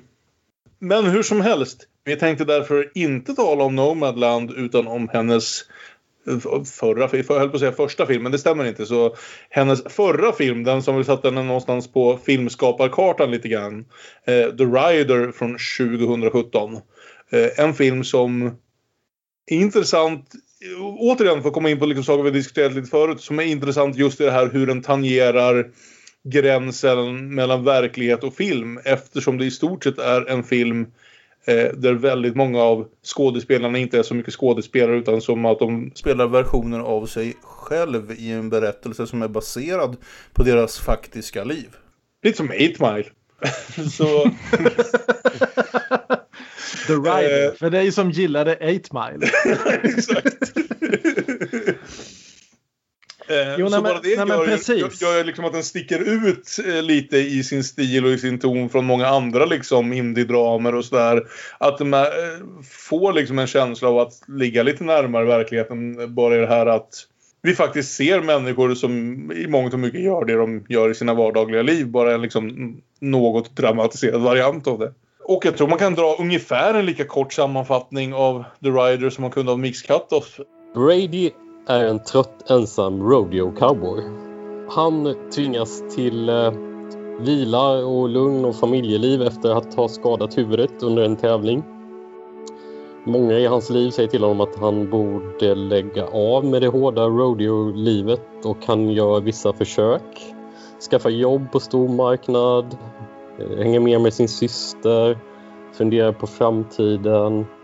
Eh, men den här rodeon drar i honom. Det är ett av få sätt att tjäna stora pengar som står öppet för honom. Om man vinner de här tävlingarna. Men också ett sätt att leva. Och han kommer kanske inte kunna hålla sig borta för alltid. Även om det riskerar att bli hans död. Ja, precis. Ja. Ungefär som en Mix Cut-Off så är det ju liksom en film som är ganska lite till handling egentligen. Inte så där hemskt många liksom dramatiska vändningar eller annat utan blir väldigt mycket ett karaktärporträtt av den här personen som inte är den riktiga Brady Jandro som spelar rollen utan här har döpts om till Brady Blackburn. Men precis som när vi pratade om vad heter den Suburbia och sa det att det förmodligen är lättare att eh, göra punkare till skådisar än att göra skådisar till, till trovärdiga punkare. Så har ju liksom Chloe Chow här insett att eh, man kan få liksom en rodeo cowboy att skådespela sig själv helt okej. Det hade varit mycket, mycket svårare att hitta en vettig skådis som dessutom hade kunnat göra allt det här otroliga med hästar som Jandro gör i den här filmen. Precis. Och, och vi kan ju nämna lite grann bakgrunden till filmen. är att eh, Chloe Zhao gjorde sin första film, eh, Songs My Brothers Taught Me. Gjorde hon ju då i Dakota tillsammans med ett gäng urinvånare. För nästan inga pengar. Och den här filmen är gjord för ännu mindre pengar. Det är väldigt, väldigt, jag har inte hittat någon exakt budgetsiffra men det är väldigt låg budget i alla fall. I samband med den filmen så sprang hon ju då ihop med Brady Jandro och tyckte att han verkade så intressant karaktär så att hon ville ha med honom i något framtida projekt. Och sen hände ju då det här att han hamnade under en häst och fick skallen spräckt i små bitar. Hamnade i koma i några dagar och sen vaknade upp och fick veta att han skulle aldrig kunna rida i rodeo igen därför att hans huvud sitter ihop med bönor och hästklamrar. Och då blev det ju självklart att då är det ju det filmen måste handla om. Mm. Så det är en lätt dramatiserad men i grunden sann berättelse där alla i princip spelar sig själva. Och det är så jättespännande för alla gör det dels bra. Och dels också att alla verkligen på något sätt har övertygats om att inte direkt alltid visa upp sina vackraste sidor. Jag tänker kanske framför allt på pappan här som är liksom... Alltså den här familjen, lilla familjen som vi får se här då, alltså Brady med sin syster som har eh, Aspergers och eh, sin pappa. Är liksom den riktiga familjen. Och deras pappa porträtteras ju inte här direkt som liksom någon fantastisk pappa så utan blir anklagad flera gånger för att både liksom vara en superut och att spela bort pengar på, på olika kasinon eller såna här jävla vad heter pokermaskiner. Så det är alldeles fascinerande att de har liksom fått de riktiga personerna att ställa upp på det här och att visa upp sig själv så här. Jo. Och dessutom att alla tre är liksom fullt dugliga skådisar.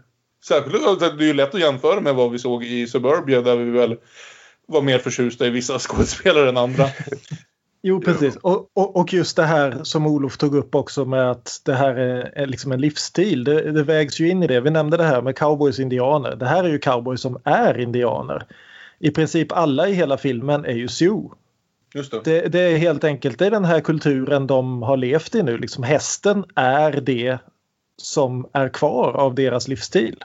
De må liksom ha växt ur träggen och blivit kristna. Jandro själv är djupt kristen och han var så imponerad av det här att Chloe Zhao som är buddhist kan, kunde förstå honom så väl. Gud har bestämt dig till att rida de här hästarna. Då kan du inte bara låta bli bara för att du har spräckt skallen. Nej, exakt. Man får ju säga så här att särskilt för en lågbudgetfilm att där eh, Mix Cutoff gjorde allt den kunde, också där med fantastisk fotografi, för att få den här öknen att se så jävla inte motbjudande men definitivt vad ska jag säga, oinbjudande ut som möjligt och få oss att tänka att fan där vill jag inte vara. Så är den här filmen precis lika duktig på att liksom verkligen fånga det magiska i västern. Det här att rida över liksom landskapen. Eh, Det här som John Ford också gjorde i sina bästa ögonblick men att det finns en magi där någonstans. Särskilt när solen antingen är på väg upp eller ner. Mm. Och man liksom kan dra på sig hatten och rida ut. Särskilt om man är riktigt bra på det på det sättet som, som Brady Deandrow är. Och att det, liksom någonstans verkligen fångar det här att hade det inte filmats med den här nästan klassiskt episka tonen just de scenerna kanske vi hade undrat varför är han så jävla envis med det här? Varför, är han, varför är han så envis på att vilja behöva fortsätta med det här även fast han håller på att ta livet av honom? Men de fångar faktiskt liksom magin i det hela varför han är så dragen till det, varför han måste fortsätta. För att det ser ju helt fantastiskt ut när de här scenerna väl ger sig ut liksom över, över präriens vilda landskap. Ja, när vi säger det mikrobudget och de spelar sig själva. Det börjar ju låta som eh, realism, förstår. Jag förstår mina lyssnare. Ni tänker, åh nej, sån skit. Det här är en snygg film. Se den. Den har filmiska kvaliteter. Det är ingen jävla iPhone-film. Nej, det är verkligen inte. Eh, Ska, ska vi säga några ord om Chloe Zhao också? ja, men absolut. För hon är, för hon är ju då eh, kines helt enkelt. Hon är ju inte kinesisk, kines-amerikan utan hon är ju född och uppvuxen i Beijing. Mm. Men hamnade då via diverse ja, önskemål om bättre utbildning och så vidare så hamnade hon på high school först i Storbritannien och sen i USA. Och sen blev hon kvar i USA och utbildade sig till filmmakare då. Hon sa att hon ville bli filmmakare när hon såg Wong Kar Wais filmer och det ser, man känner ju igen väldigt mycket av den här liksom magiska slow motion lysande filmskapandet känner jag från Wong Mm. och en del andra eh, kinesiska filmskapare också. Hon hon har sagt att hennes studentfilmer var bara liksom usla rip-offs på uh, Raise the Red Lantern. Och hon har ju då hon har ju fått sitt enorma genombrott nu med Nomadland och nu ska framöver så ska hon göra dels ska hon göra nästa sån här eh, Marvel-film vilket känns som ett enormt steg. I, liksom, det är liksom för, för, tre år sedan satt hon eh, med några indianer i, i Dakota och en filmkamera och klippte allting själv. Nu ska hon göra en Marvel-film och efter det så ska hon göra en sci-fi western version av Dracula. Den här Eternals hon ska göra. Ja, precis. Det är spännande. Hon är ju fortfarande en ganska ung filmskapare. Hon är född 82 så hon har ju många år framför sig att titta på saker och hon verkar ju ha idéer. Men här måste vi gå scen för scen. Ja. För den börjar med en... Varför kastar vi bort den jingeln? Undrade jag. Det har vi inte gjort. Det jag tror inte vi har gjort. Vi har bara inte... Det har inte varit så många mardrömmar. Har det inte varit en enda mardröm den här säsongen? Hmm. Men ja, det börjar med att han drömmer om eh, sin olycka till häst. Och precis som Paris Hilton så väcks han av att återuppleva traumat i natten.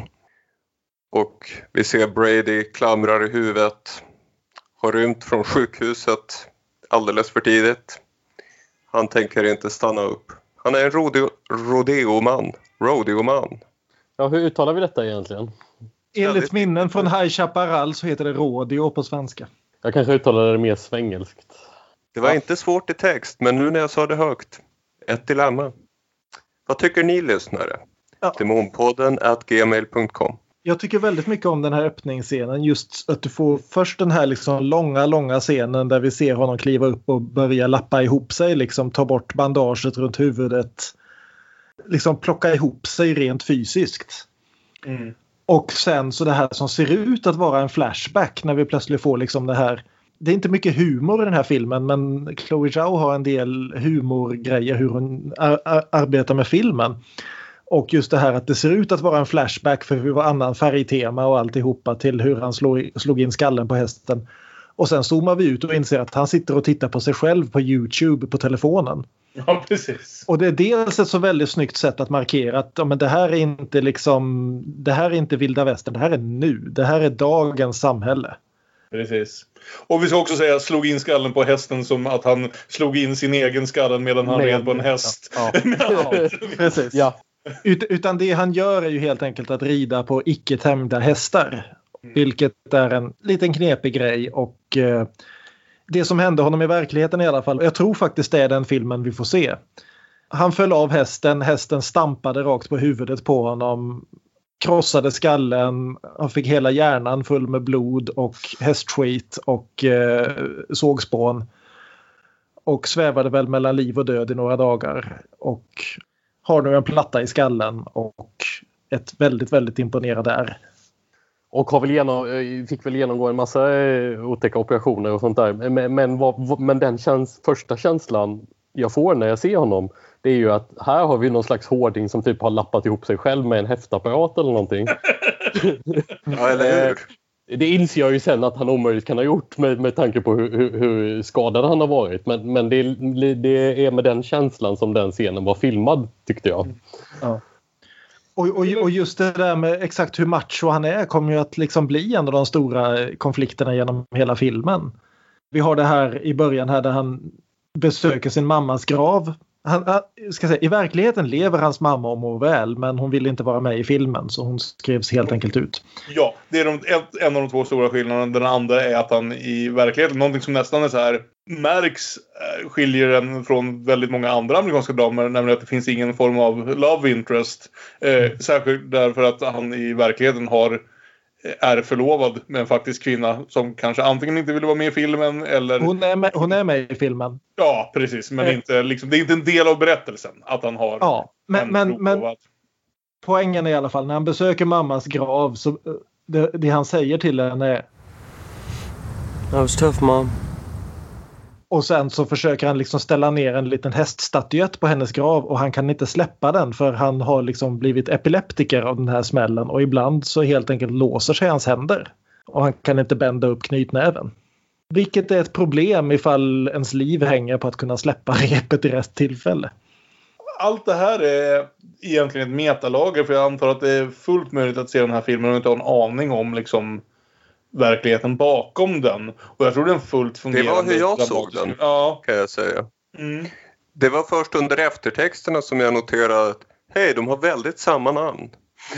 Och det gör Undrade, hur har de hittat en skådespelare som är så jävla bra på att rida? Ja, exakt. För det är ju det som ger den här filmen lite sin nerv och även det här som sagt, familjeförhållandet som är... Det är ett svårt förhållande till pappan men ett väldigt varmt syskonförhållande mellan honom och hans lilla syster Lilly som ju som sagt, jag tror det är Aspergers hon har va? Av någon Något lite gravare variant. Ja, precis. Och som liksom måste behandlas lite, alltså tas hand om på ett sätt som man kanske inte eh, behöver ta hand om alla 15-åringar utan Ja. kräver lite mer uppsyn. Eh, något som ju just nu i det här läget ingen av männen i familjen riktigt verkar liksom kanske ha eh, möjlighet att uppbåda. För som sagt, de speglar ju, porträtterar ju pappan här och han har tillåtits porträtteras för han spelar sig själv som någon som super och spelar bort de få pengar de faktiskt tjänar i den här lilla tremannafamiljen. Men, men som ändå är den spela som... sig själv tror jag inte vi ska gå allt för hårt med. Nej. Det, det, Det, det finns är- ju ändå ett manus i, film, i filmen. Absolut, absolut. Men i och med att det är, liksom, det är de faktiska familjemedlemmarna. Och jag menar att det är ganska modigt av honom oavsett hur nära verkligheten det ligger eller inte. Att han Ja. in, måste inse att det finns en risk i att folk tar det som för nära verkligheten än vad det är. Och han väljer ändå att... det är antagligen väldigt nedtonat. Han är en mardröm.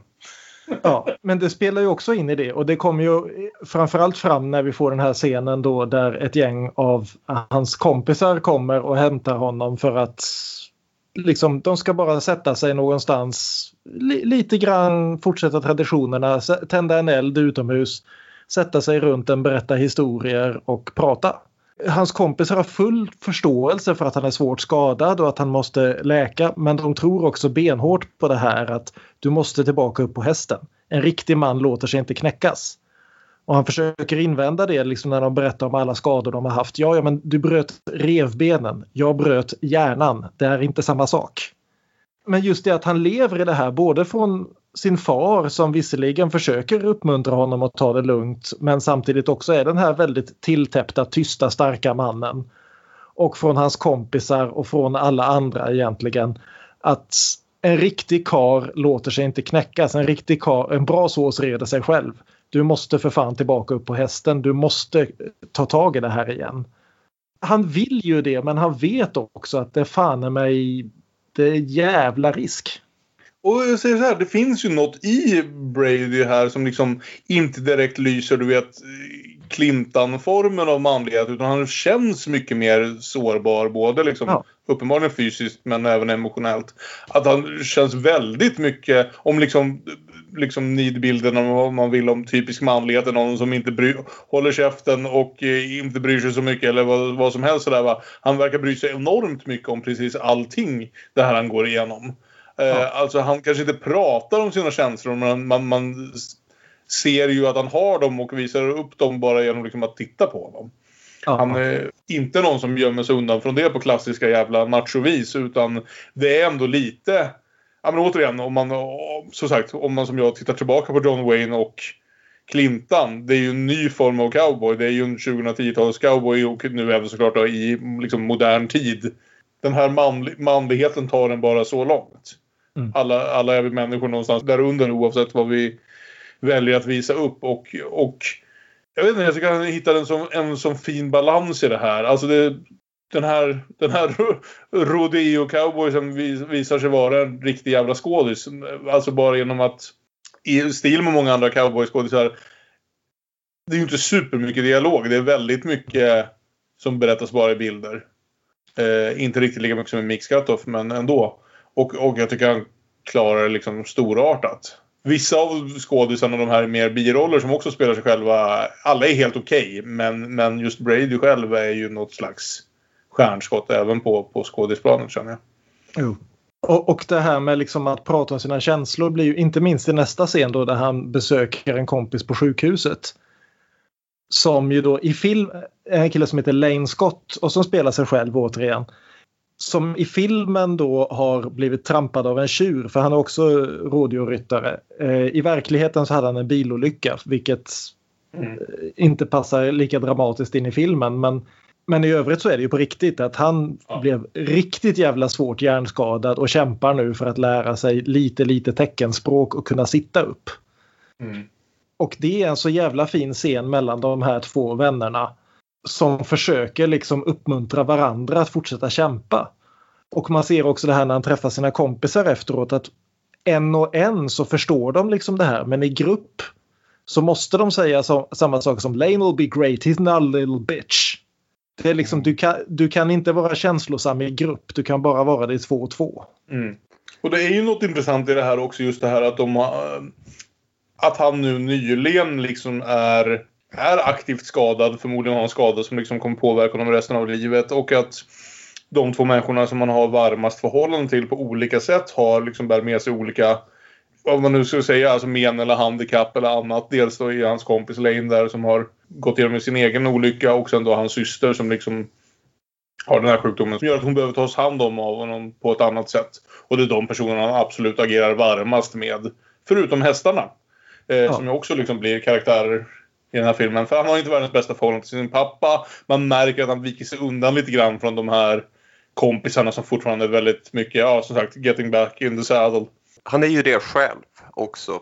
Han har ju det här hävdelsebehovet.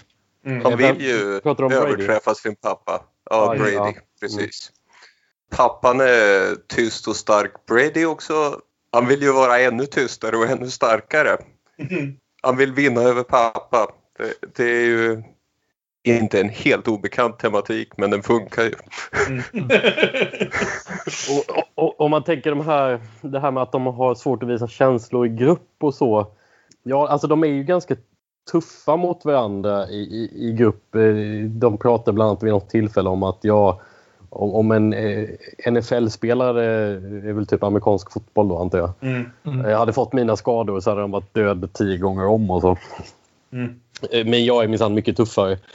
De öppnar ju lite för någon sårbarhet även i grupp när de kommer in på sådana teman som att eh, det här är det enda sättet att leva. Finns, liksom, vad finns det för oss som inte lever på det här sättet? Det, det, finns, det finns någon slags desperation i, i det där som de inte riktigt vågar utforska i grupp. Det, det håller jag med om. Men, men det, det, är spännande när de kommer in på det i alla fall. Det är, det är sant. Det finns liksom två aspekter av det där. Det finns inget annat sätt att leva. Det ena är det här mytiska rida hästen över prärien i solnedgång. Det, ja, och det andra är det rent också. ekonomiska. Han har inget annat sätt att ja. leva, att tjäna pengar, att behålla eh, den här liksom eh, lilla stället där de bor livet är ändå slut om jag inte kan göra det här för Ex det finns inget annat att Exakt. Göra. Ja. Han har liksom och, utbildat sig till expert på ett ämne och nu kan han inte längre utöva det någonstans. Nej, precis. Och vi får ju den här scenen då där han besöker någon så, jag vet inte om det är Arbetsförmedlingen eller om det är Reservationsmyndigheten eller vad det är där de då erbjuder honom, ja men alltså det finns utbildningsprogram för unga COer som vill förkovra sig och han är bestämd, nej det här är bara tillfälligt. Jag ska tillbaka upp på hästen så jag, jag kan inte utbilda mig till något annat. Jag måste tillbaka till mitt, men tills vidare måste jag tjäna pengar. Och får då det här jobbet på stormarknaden där alla hans kompisar handlar och hela tiden säger varför jobbar du här? Ska inte du sitta på hästen? Jo, snart. Jag måste bara bli hel först. Det är ju en intressant inblick också i en, så här, liksom en annorlunda subkultur. Det är alltid sånt som jag är fascinerad av när filmer gör oavsett hur intresserad jag egentligen är av det. Liksom, just det här att i den här miljön så är han en riktig jävla kändis. Det händer liksom fyra, fem sex gånger i filmen att någon bara kommer fram. Men är inte du han? Är det inte du som är han liksom? Och känner igen honom från, från hans rodeo-cowboyande. Vilket är också spännande. Liksom det här, inte bara att han var duktig på det han gjorde och älskade det han gjorde utan även var liksom något av en kändis. På grund av det. Och att det, att det liksom hotas att försvinna. Jo, han har ju något fåfängt. Och han gillar ju det här kändisskapet. Det är en scen de är i en, de är i en bar först och sen efteråt. Och det är väl här vi ser Bradys riktiga fru om jag förstod rollistan ja, rätt. De ses efteråt och hon säger någonting problemet med er grabbar, ni kan inte få er stolthet knäckt. Det är den här manliga fåfängan som vanligen brukar spelas för humor och är väldigt bra humor. I den här filmen spelas manlig fåfänga för rent vemod och det var uppfriskande att se det från den vinkeln också. Mm. Så vi har ju en del montagescener här. Eh, pappan säljer deras bästa häst för någon måste dra in pengar till familjen och du gör ju inte det, säger han till sin son. Och vi får den här fina scenen då han då innan hästen ska ges bort går ut om natten och sitter upp på den för första gången sedan sjukhuset och rider i försiktig skritt över prärien medan solen går upp. Det är så jävla fantastiskt. Alltså, Ja. verkligen. Det är ju som magi i de här. Ja, precis. Och just Just sättet hon parar den scenen, liksom den här enormt liksom harmoniska scenen Mm. med sen när hästen har körts bort och han står kvar på gårdsplanen och åskan går. Och, och hon, den första scenen är filmad med drone och den här andra scenen är filmad med handhållen kamera. Och handhållen kamera som inte är inzoomad utan som liksom försöker fånga den här enorma vistan av en man som står på en laggårdsbacke medan åskan går. Och hela prärien ligger bakom. Och handhållet så att det skakar lite grann. Ja, det är Det är så jävla snyggt. ja, helt otroligt faktiskt.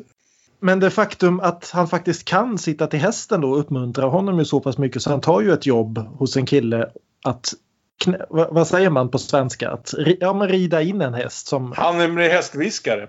Precis. Och det här är väl någonting som egentligen är vad pappan vill att han ska ägna sig mer åt. Att det här eh, rodeoandet är någon slags mer extravagans så som pappan ser det. Precis. Och det här är ju en intressant scen också därför att den här scenen var egentligen inte alls gjord för att vara med i filmen. Nej. Det här är helt enkelt att de hade en kille jag misstänker att scenerna filmade lite i oordning här för att han, Ja. den här killen är med i baren tidigare också så jag gissar att barscenen är inspelad efteråt för att få in honom i handlingen. För, för det som skulle hända var helt enkelt att Brady skulle visa inför kameran, visa Chloe Zhao hur han rider in en häst. Mm. Så det var helt enkelt, hon tog med sig kameran och filmade det medan han demonstrerar här hur man tar en helt vild oriden häst och förvandlar den till någon som förstår en människa. Och det är det vi får se liksom i tio minuter ungefär hur han liksom bara blir vän med den här hästen och låter häst, får hästen att först låta honom röra vid den och sen låta honom eh, styra den och sen låta honom vara på den och sen låta honom rida den. Och det är helt jävla fascinerande. Det är sånt här som liksom, det nästan blir en dokumentär på ett annat sätt. Va? Ja. Sånt som man älskar att se i riktigt bra dokumentärer. Just det här att, att bara se människor som är väldigt, väldigt duktiga på något göra det. Är alltid jävligt fascinerande. Och här ser vi ju liksom hela processen. Och det ju, märks ju också att de liksom håller på under lång tid. För det klipps. Och eh, solen går ner mer och mer. Det blir mörkare och mörkare varje gång vi liksom gör ett klipp i filmen. Men vi håller på så länge så vi får se allt det här och vi får se att han är oerhört duktig på det här på ett sätt som liksom aldrig hade någonsin kunnat ske med en skådespelare. Det är nästan min favoritsekvens i filmen någonstans. Alltså jag tycker det är en väldigt bra film som blir en intressant karaktärsstudie och som någonstans... Alltså om jag dömer det som en film utan om jag inte... Om jag som Orm inte visste hur den var gjord hade jag kunnat kritisera den för att eh, hade kunnat behövas ytterligare något mer liksom, i berättelsen. Någon slags mer dramatisk vändning eller sådär. För det händer ju ärligt talat inte supermycket i den här filmen. Men det är ju sådana här sekvenser som, som ger den ett riktigt jävla värde. Alltså för sånt här ser man ingen annanstans egentligen. Det går säkert att se liksom hästskolan på Youtube. Men då är det inte filmat av Chloe Zhao som Mm. på det här viset. Va? Det dessutom är så fantastiskt vackert rent artistiskt. Inte bara det som händer framför kameran utan även hur, hur det väljs att visas. Är att förväxlas med ridskolan. Just det. Nej, jag håller med. Det är en jättefin scen det där. Och eh, som du säger, resten av filmen är eh, för mig som såg den ovetande bra. Men, eh, men den är inte super extra special. Men det där var ju någonting magiskt. Men vi hoppar framåt lite grann i handlingen i alla fall för han får ju mer och mer självförtroende av det här. Han eh, stöter på en annan oriden häst som han får löfte på att han får köpa den ifall han bara får ihop lite pengar. Han vill panta sin rådiosadel men klarar inte av att göra det. Och pappan köper hästen åt Nej, honom. det är repliken. Det är repliken från försäljaren där. You know what? I see a lot of young cowboys come in with their saddles. A lot of them get rid of them. You can't be rodeoing forever, right? Fan heller, kan jag visst. Ja, precis. Så pappan köper hästen åt honom och det är ju en ganska fin grej. Men det är också en sån här tysta starka mannen. Liksom. Han vill inte ha något tack. Han vill inte göra en stor grej av det utan bara jag har köpt hästen åt dig. Ja. Jag sålde några andra. Är, vi kan behöva en häst. Och det här att han då liksom fortsätter försöka jobba upp det här och han får lite hopp om att även om han inte kan hålla på med rådjur så kan han i alla fall hålla på och rida in hästar. Men det kan han ju inte för han blir ju sjuk igen och ramlar av hästen. Och får Ja. veta rakt på av läkaren att slår du i skallen igen så är det slut. Och du kan inte hålla på och överanstränga dig på det här sättet. Du kommer att fortsätta få epileptiska anfall, du kommer att fortsätta tuppa av, du kommer att dö. Det är ju en så fokuserad film. Alltså visst att vi någonstans lär känna lite de här andra människorna runt om, men bara i förhållande till Brady. Brady är i varenda, kanske inte bild, men i varenda scen av filmen. Liksom. Det är hans film från början till slut. Så den blir så fokuserad att när den sen dessutom har ganska lite handling och rör sig hyfsat långsamt så kan vi röra oss ganska snabbt igenom den i diskussionen känner jag. För det är liksom det är inte som att det finns stora liksom, oväntade plottvändningar här någonstans. Utan vi får se eh, hur, hur de, det här liksom insikten att läkaren säger åt honom att om du går tillbaka till det här livet så kommer du dö. Eh, påverkar honom. Alla sådana här filmer måste ha någon slags jävla breakdown-scen. I det här fallet är det när han bestämmer sig för att brotta ner en kompis lite för hårt Mm. i en scen. Jo, för han måste visa att han fortfarande är kar även om han Ja. inte kan rida längre. Och han gör det ju efter att han har skänkt bort eh, sin rå, rådjursskjorta och eh, såna här, vad heter de, chaps, alltså såna här rid, Ja. ridläderbyxor. Och då måste han betala tillbaka genom att brotta ner honom alldeles för hårt och nästan strypa honom. Och vi får också ytterligare en jättefin scen med hans kompis Lane då där vi får se att Lane har skaffat en tatuering medan han ligger på sjukhuset där det står Say I won't and I will. De låtsas rida tills han får sitta på en sadel och så håller de i tömmarna och så får han liksom, ja men sväng höger nu, sväng vänster nu. Där och sen som sagt i scenen med systern känner jag att man ser ju verkligen verkligheten bakom det här. Det, det här är ju inte skådespel att snacka om längre. När han hänger med Lane liksom. Utan det är ju bara så här de är gissningsvis.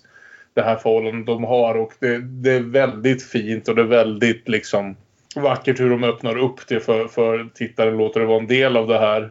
Eh, så, så, så de scenerna är det som alltid funkar bäst för mig. De här när han när, han, han får en chans att, att relatera till andra människor med liksom grava skador och tänka på det är där man ser verkligen den här värmen i den här killen och sådär va. För annars så finns det ju ofta, jag tror det är det som skiljer, skiljer honom, att det är så tydligt hur mycket han älskar, inte bara det han gör utan de här människorna runt om sig. Medan vår liksom nidbild nästan av en cowboy som sagt är någon som försöker jävligt hårt att inte bry sig.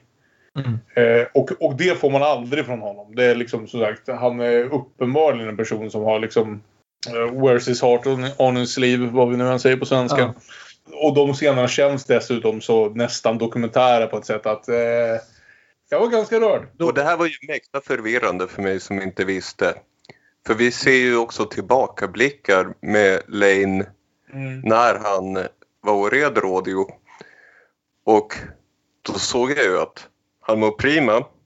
Men jag ser ju när han sitter där, är det där verkligen skådespel? Fan vilket skådespel den hjärnskadan. Mhm. Så, Ja, så jag var förvirrad för jag tyckte det, Det är där otroligt vilken effekt man kan få av just det här. Alltså att ha, man märker ju bara det. För det är sådana saker som man aldrig, som du säger, aldrig hade kunnat få genom att göra traditionellt gjord film. Liksom. Utan det är just den här konstiga hybriden av dokumentär och drama som får just de här effekterna. Jag tänker lite på alltså i en mer konstruerad situation men som ändå gav en effekt som man aldrig hade sett för eh, Det här som Linklater gjorde med Boyhood. Att helt enkelt filma tre Ja. scener om året. Och verkligen få effekten av att folk växer upp och blir äldre och liksom förändras. Snarare än att liksom eh, att eh, byta skådisar i flashbacks och liknande. Liksom. Men ja, vi, när man kan kombinera en sån där, eh, vad ska vi kalla det, verklighetsgimmick Mm. med faktiskt bra historieberättande, då har man någonting. Mm. Slutar jag med till på de här två filmerna vi pratar om. Linklater har ju ett projekt på gång som han hoppas överleva tillräckligt länge för att kunna avsluta. Som man säger borde sluta när han är 75. Så vi kan se alla skådisar åldras i typ 40 år tror jag är planen. Du vet att han har ett projekt till som går ut på att filma sin egen begravning. Så det... Men vi får i alla fall den här eh, Get Busy Living och Get Busy Dying scenen som är då att han kommer för att hälsa på sin häst. Även om han inte kan rida på den så kan han åtminstone prata med den. Men hästen har brutit sig ut ur hagen och slitit sönder benet på taggtråden. Och vi vet ju vad, som händer, vad man måste göra med hästar som har sabbat benen här är det ju verkligen att den spelar tillbaka till gamla liksom, westernfilmer mer ja. än, att, än bara imagen och liksom, bilden av det. Så här, att verkligen handlingsmässigt vet vi ju alla vad som händer när liksom, något ja. tragiskt befaller en häst. Och han, han kan inte göra det själv utan han måste ringa dit pappa som kommer och skjuter ihjäl hästen åt honom. Och så får vi då den här jättefina scenen mellan honom och lilla systern där han berättar att ja, men vi var tvungna att skjuta hästen för det är inte rättvist mot en häst att den inte ska få kunna springa runt på prärien. Det är det Gud vill att hästar ska göra. You know Lily, Apollo got hurt. And we had to put him down. Nope. Nuh-uh. It's not fair to the horse. He can't run and play and do what he wants to do. Doesn't go on. You know, I got hurt like Apollo did. But I'm a person, so I got to live. If any animal around here got hurt like I did, they'd have to be put down. Och då fattar han ju det här beslutet att nej, han ska rida i radion oavsett vad, det, vad som händer. Mm. Ja, han ska göra en wrestler dö i rampljuset. Exakt vad jag tänkte. Jag tänkte precis att kommer den här sluta som The Wrestler nu och de helt enkelt ändrar. Det går inte riktigt så långt men jo jag tänkte väldigt mycket på The Wrestler. Ja. Och vi får den här sista uppgörelsen mellan honom och pappan som återigen inte kan liksom säga att men snälla jag vill inte att du ska dö utan bara kan säga ja men åk iväg och dö då om du absolut måste. Jag tänker inte titta på. Brady fräser tillbaka att You're stubborn as hell. You won't listen to nothing anybody tells you. Oh, I don't listen. I always fucking listen. I listen to everything you fucking said to me.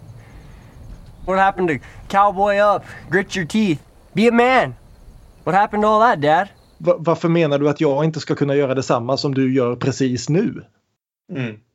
Och så får vi den här fantastiska scenen tycker jag när han då väl kommer fram till radion där då Zhao går fullständigt bananas på det här med liksom närbilder och klippningar. Att just fånga den här fantastiska spänningen som byggs upp inför det här att en människa ska sätta sig på ett halvt ton vilt djur och försöka rida det. Och liksom det här sättet hon fokuserar på detaljerna och bygger upp den här fantastiska adrenalinet i denna scen.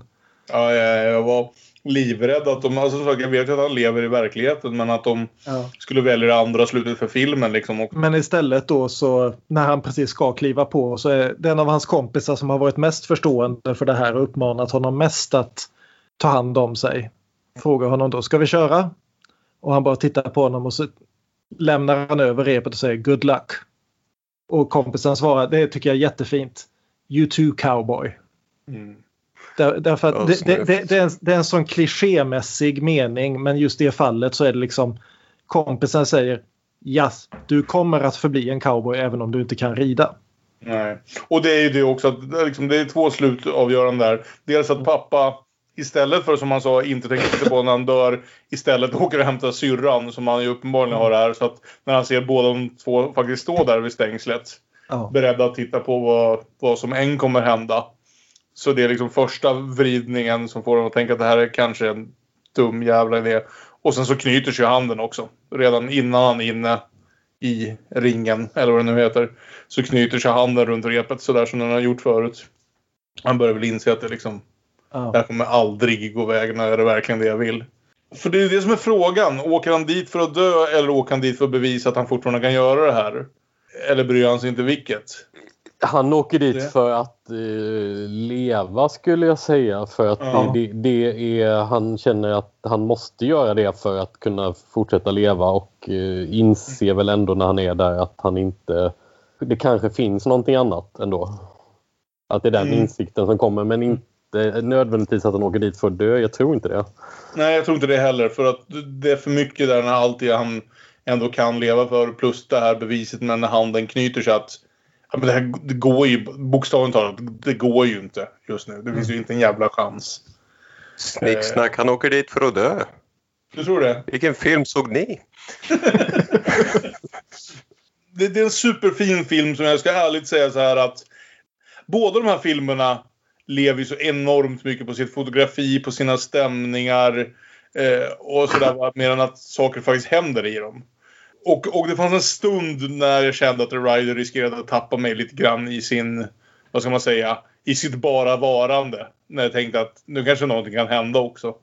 Men sen på slutet börjar det ju faktiskt, knyter den ihop de här få trådarna den har och jag fick något lite blött i ögat vid typ, jag tror det fan tre olika gånger den sista halvtimmen. Det är bra jobbat någonstans ändå. Jag gillar verkligen som sagt Dels fotografiet i filmen är fantastiskt och fotografiet kombinerat med liksom redigering och så förstämningen den skapar. Och vad det blir med den här, säger vi juxtaposering på svenska, men liksom just den klassiska westernmyten och westernmanligheten mot den här killen som aldrig riktigt ser ut att passa in i den mallen men ändå så gärna vill göra det men egentligen är lite för både lite för smart och lite för känslosam. Ja, och också att egentligen är de det allesammans. Det är liksom en och en så tror jag de flesta kan relatera till honom. Men det är liksom både liksom ekonomin och traditionen och alltihopa gör att du, ja men det är liksom det här tysta starka mannen liksom. Grit your Mm. teeth and be a man. Mm. Tillbaka på hästen, låt inte lite motgång knäcka dig. Det är ju, det är ju den amerikanska drömmen liksom. Mm, mm. If at first you don't succeed, try and try and try again. Det är inte så att filmen direkt liksom går emot det samtidigt heller men den inser också liksom gränserna för det, för det idealet och är beredd att expandera det lite mer. Och, Eh, Det är något som knyter ihop båda veckans filmer det här. mm. Ge upp det där temat. Ja men exakt. Ja, precis. Två filmer som tar det vi lärde oss av, av John Wayne och som, och som fortsatte i någon mån med Clinton även om han försökte få in lite mer gråzoner i det ibland.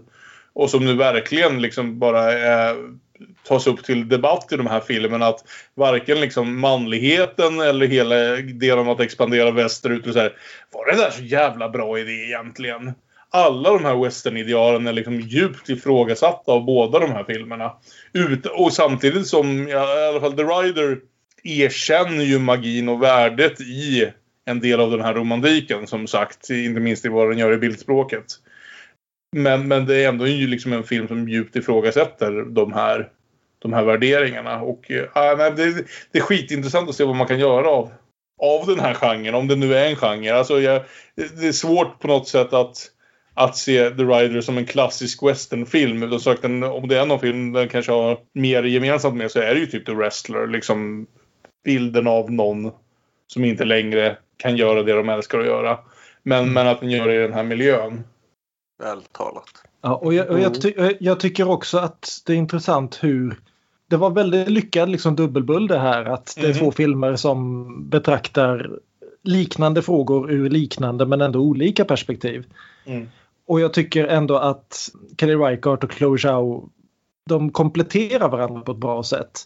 Där liksom Kelly Reichardt hela tiden är intresserad i första hand av liksom om inte samhället för hon är väldigt individfokuserad men det är alltid individen som en del av något, någon form av kollektiv. Mm. Lösningen är aldrig att du ska liksom dra upp dig, gaska upp dig, skärp till dig. Utan det är liksom det är samhällets kollektiva misslyckande som en person får uppleva.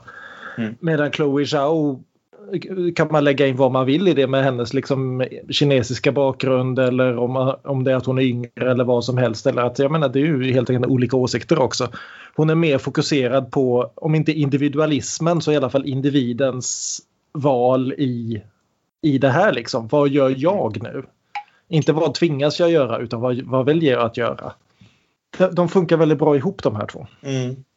Nej, exakt. Stark dubbel som så och två filmer som slog mig väldigt hårt båda två men på extremt olika sätt. Där liksom The Rider går ganska hårt eh, in mot hjärtat medan Mix Cutoff är som sagt någonting att kämpa lite med. Så något att sitta och tänka vad är det som förväntas av mig som tittare nästan i det här? För det är en film som nästan aktivt tar på sig boxningshandskarna och försöker utmana tittaren till lite av en duell och säga är det, är det du som tröttnar först eller är det jag?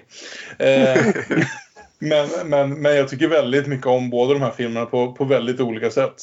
Ja, alltså, alltså personerna i The Rider känns lättare att relatera till. Inte för att de är mer lika mig eh, än, än, än personerna i Mix Cutoff utan det har väl något med, med vardagligheten i filmen att, att göra. Att, att jag relaterar mer till personerna jag ser men samtidigt så kanske för att man får kämpa lite mer med Mix Cutoff så, så uh, dras jag ändå in mer i den filmen tror jag. Jag eh, tyckte om tonen i eh, berättandet i, i den filmen. Jag tror, tycker för mig att om vi försöker välja vilken av filmerna vi tyckte bättre om så för mig är det ganska nära den här veckan. Jag tror jag föredrar Mix Cutoff men jag tror också att hade jag sett den för sig själv och inte som en del av liksom att jag såg sex Kelly Reichardt-filmer på 14 dagar. Så är det mycket möjligt att jag hade, att jag hade tyckt att den inte riktigt funkade lika mycket. Mm. Jag är glad att jag någonstans var lite invand i hennes tankesätt och hennes, uh, hennes sätt att göra film och uh, visa karaktärer i film. Även om det även som sagt med alla hennes filmer sedda tycker jag att det är den som kräver mest arbete. De andra är ändå lite mer rakt på sak. Men Mix Cutoff är så jävla unik någonstans även om jag verkligen uppskattar vad The Rider gör. Jag håller med. Jag tycker, jag gillade också båda. Inte superduper mycket men, eh, men väl mycket. Mm. Och eh, ja, ska jag välja ändå? Jag säger väl eh, The Rider då. Mm. Något, något litet över. Men är nästan slantsinglig. Jag föredrar nog fortfarande ändå eh, Mix Cutoff. Mm. Eh, jag tycker bägge två är väldigt bra filmer. Eh, Mix Cutoff för mig är, det, det, är lite grann samma sak som vi hade i diskussionen med den andra mamman och Wanda. Att ja, Mix, Mi, Mix Cutoff känns som en så väldigt liksom unik film. Att det, den är så djupt mytologiskt och så djupt ogästvänlig. Precis som liksom miljön den utspelar sig i. Det, det är ett jobb att älska den filmen och den är värd det. Ja, ja med, med, med, medan The Rider är lite mer den har några ögonblick där den drar över mot melodramahållet. Eh, men framförallt den, den känns mer konventionell om också liksom väldigt eh, egen på sitt sätt. Så... Ja, men, jo, absolut. Den följer ju i en rad av vad ska vi kalla det för liksom indie-karaktärsstudier. Ja. Liksom, ja, absolut. Ja. Och eh, som sagt, de går väldigt bra ihop. Så ni behöver inte välja. Se båda. Precis, se båda. Exakt. Eh, vi, vi, det har hänt ett par gånger att, att vi faktiskt ogillar den ena av filmerna. Bara säger se den ena som är. Men eh, inte den här veckan. Eh. Så istället för att gå och se en tredje film så måste ni se båda. Mm. Jag tycker att ni kan se den ihop med, vad heter det, det var intressant att se den med The Outlaw Josie Wales. Som fortfarande är en av Clintons starkare filmer. Kanske min favorit av filmer som Clinton har regisserat själv. Det måste jag Men nu är du inne på ett nytt segment av podden. Det är jag! Och vad heter det segmentet Aron? Vi kallar det... Gissa den tredje. Jajamän, det här segmentet där vi alla får välja en till film. Vi har pratat om massor av andra filmer den här veckan. Men nu ska vi faktiskt bara välja en enda var. Eh, som vi tycker ni kan se tillsammans med Mix Cutoff och The Rider. Eh, vem känner sig manad att börja? Okej, vi tar en annan eh, ny western. Denna heter Damsel från 2018. Det har ju varit två väldigt humorlösa filmer den här veckan. Så vi avrundar den här trippelfilmkvällen med, med en där vi skrattar lite istället. Det, det här är mer en komedivästern då. Där den manliga fåfängan skrattas åt och den här Damsel i titeln. Damsel in distress, hon är inte så mycket i distress. Det är mer Robert Pattinson som intalar sig själv att Mia Wisakovska. Wasikowska. Jag har inte sett på länge. Ja, de två är ju bra, vilket vi alla vet. Och det är inte en jättebra film, men det är en ganska trevlig bagatell regisserad av bröderna Sellner. Jag bara utgår från att de är bröder eftersom de har samma efternamn. Den finns på Netflix. Det är en trevlig bagatell. Ibland vill man ha en sån också. Precis. Efter de här två filmerna så, så bagatell it up. Jag tänkte väl vilja prata lite om John Hustons The Misfits som känns som en av de första gångerna eh, som Hollywood tog den här westernmyten som var välbehandlad redan när den här filmen kom 1961. Slängde in sina största stjärnor i den men sen gjorde något helt annat av det. För även det är ju en film om rodeo cowboys och hur jävligt de egentligen har det. Det känns som en av de tidigaste gångerna när man tog hela den här myten om cowboyen och hästarna och alla de här öppna vidderna och sa vad fan är det här för något? Och gjorde liksom ett karaktärsdrama som verkligen ifrågasatte om det här var någonting som vi borde hålla på med överhuvudtaget. Det är dessutom en ytterst ökänd film eftersom huvudrollerna spelas av eh, Clark Gable och eh, Marilyn Monroe och det var deras sista film båda två. Eh, Clark Gable avslutade inspelningen och sa vilken jävla jobbig film att spela in. Det känns som jag kommer dö. Och så dog han dagen efter. Så bara en sån sak. Det är liksom en mytisk film i Hollywood. Historien av, såna, av den anledningen. Men det är också ja, men verkligen en föregångare. Kanske framförallt till The Rider i det här att ta de här människorna som försöker leva upp till en myt som vid det här laget är liksom hundra år gammal. Eh, fortfarande lever på den men ganska ofta misslyckas med att leva på den. Och eh, jag, jag älskar den jävla filmen. Det är det, vi pratade bara för några veckor sedan om liksom hur Bonnie and Clyde och John Cassavetes och så innebar något slags riktigt liksom skiftbyte för Hollywood. Men det fanns lite föregångare till det och jag tänker ofta på Misfits där. För det var en film som lät, sina, som lät Hollywoods största filmstjärnor, de vackraste människorna i världen, se riktigt fula ut ibland och spela ut sina fulare sidor. Vad ska jag välja för film? Genren snoppvästern ger oss. Nej, eh, jag tror jag kör eh, rymdvästern. Eh, 1998 års Armageddon. det är lättare att ta en ryttare och göra hen till skådespelare än att lära en skådespelare att bli ryttare eller oljeborrare till astronaut. Det är en väldigt viktig del av Armageddon. För det andra, vi går mot vår undergång. Vi måste möta vårt öde och låta det spela ut. Mm. Det är, en, det är en film om västernhjältar som åker till fronten för att bygga en bättre värld för de som kommer efter. Men den här gången så får vi en klimax som räcker att bli över till tre filmer. Och det kan ju Mix Cutoff behöva låna lite av. Exakt. Och vi fick tillbaka koppling till Michael Bay som jag babblade på om någon anledning om i början. Fan vad snyggt! Jag, jag köper det. Alltså. Jag, jag tänkte först när du sa det, tänkte, finns det någon annan Armageddon från sent 90-tal som jag har missat? Men, ja. Men som sagt också Will Patton som spelar Michelle Williams eh, make i eh, Mix Cutoff som vi på något sätt kom igenom hela diskussionen utan att nämna trots att han är en jättefin karaktärsskådis eh, som dök upp mycket i alla möjliga filmer av olika budgetar eh, under den här eran. Eh, är ju också en av oljeborrarna som får bli astronaut i Armageddon. Då är det bara jag kvar då. Det är bara du kvar! När vi nu ändå liksom har brutit upp exakt var en västern kan utspela sig. Mm. Så jag har alltid varit lite småfascinerad av filmer som flyttar över västern klichéerna till någonstans utanför eh, amerikanska västern. Mm. Det kan vara liksom storstadsvästerns från New York. Det kan vara sydamerikanska varianter. Det, kan, det finns så, till och med Sovjet, en hel genre med sovjetiska eh, vilda östern-filmer. Så filmen jag har valt är då Radjudes eh, Aferim från 2015. Som utspelar sig i Rumänien på mitten av 1800-talet. Där en lokal adelsman skickar ut lokale konstapeln för att tillfångata en eh, romsk slav som har rymt från honom och se till att ta tillbaka honom. Och detta blir ju då fullt naturligt därför att det är en film och en svartvit film dessutom så finner de sig plötsligt i en... Det är ju liksom det är ju en westernhistoria det här. Mm. Och filmen måste ju då liksom bara ramla igenom alla westernklichéer.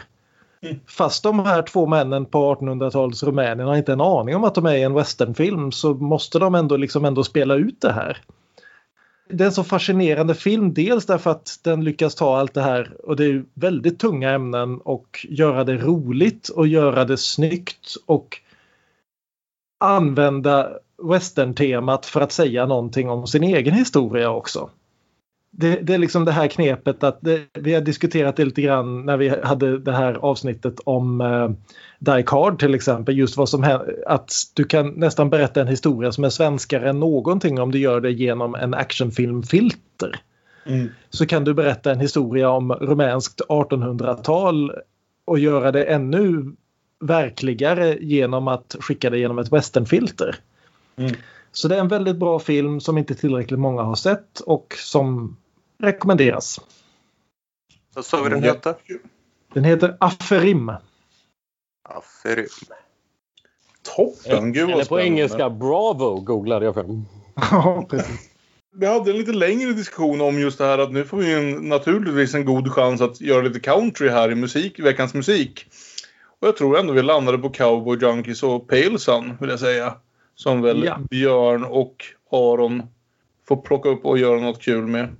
Hur som helst, eh, vi lägger om lite schemat. Vi hade ju utlovat tre avsnitt på raken kopplade till Oscarsgalan och där var tanken att vi eh, i det tredje avsnittet då, efter de här två skulle ha tittat på Promising Young Woman som ju är en av årets mest Oscar-nominerade filmer. Men eh, med tanke på att tiderna är som de är så fortsätter dess svenska biopremiär att skjutas upp mer och mer. Så just nu kommer den inte ha svensk biopremiär förrän i slutet av maj.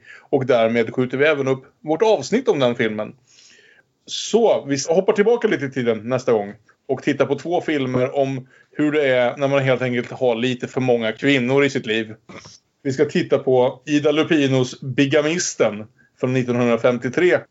Och Agnes Vardas Min lycka eller Le Bonheur från 1965. De finns båda två på olika streamingtjänster. Jag vill säga att Bigamisten är på Amazon om ni har den. Och eh, Le Bonheur finns både lite här och där, bland annat på Cineasterna och på Draken.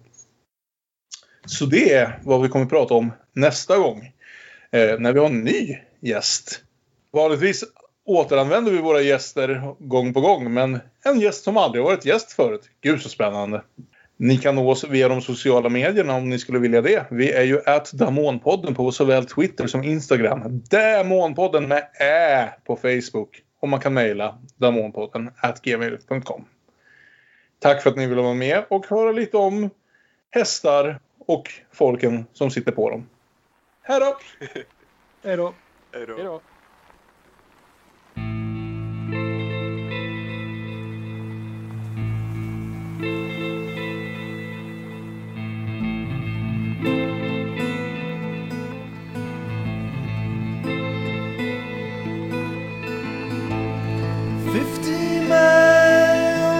Dakota Territory. Scalp hangs from his belt.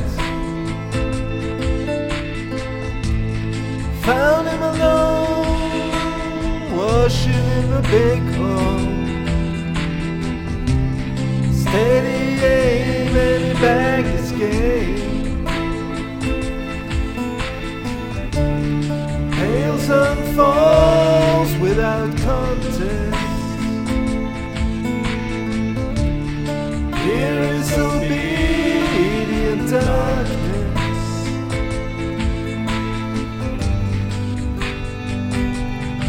Not return.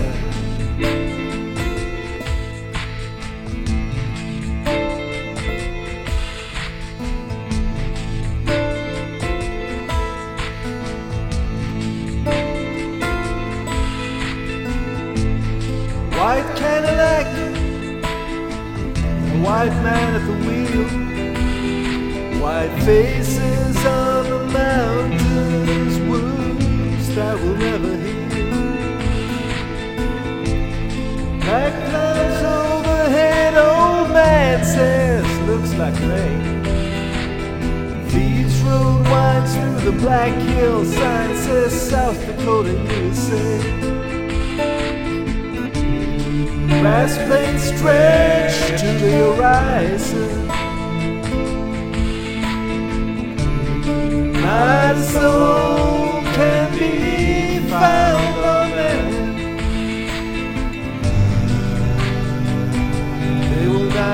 not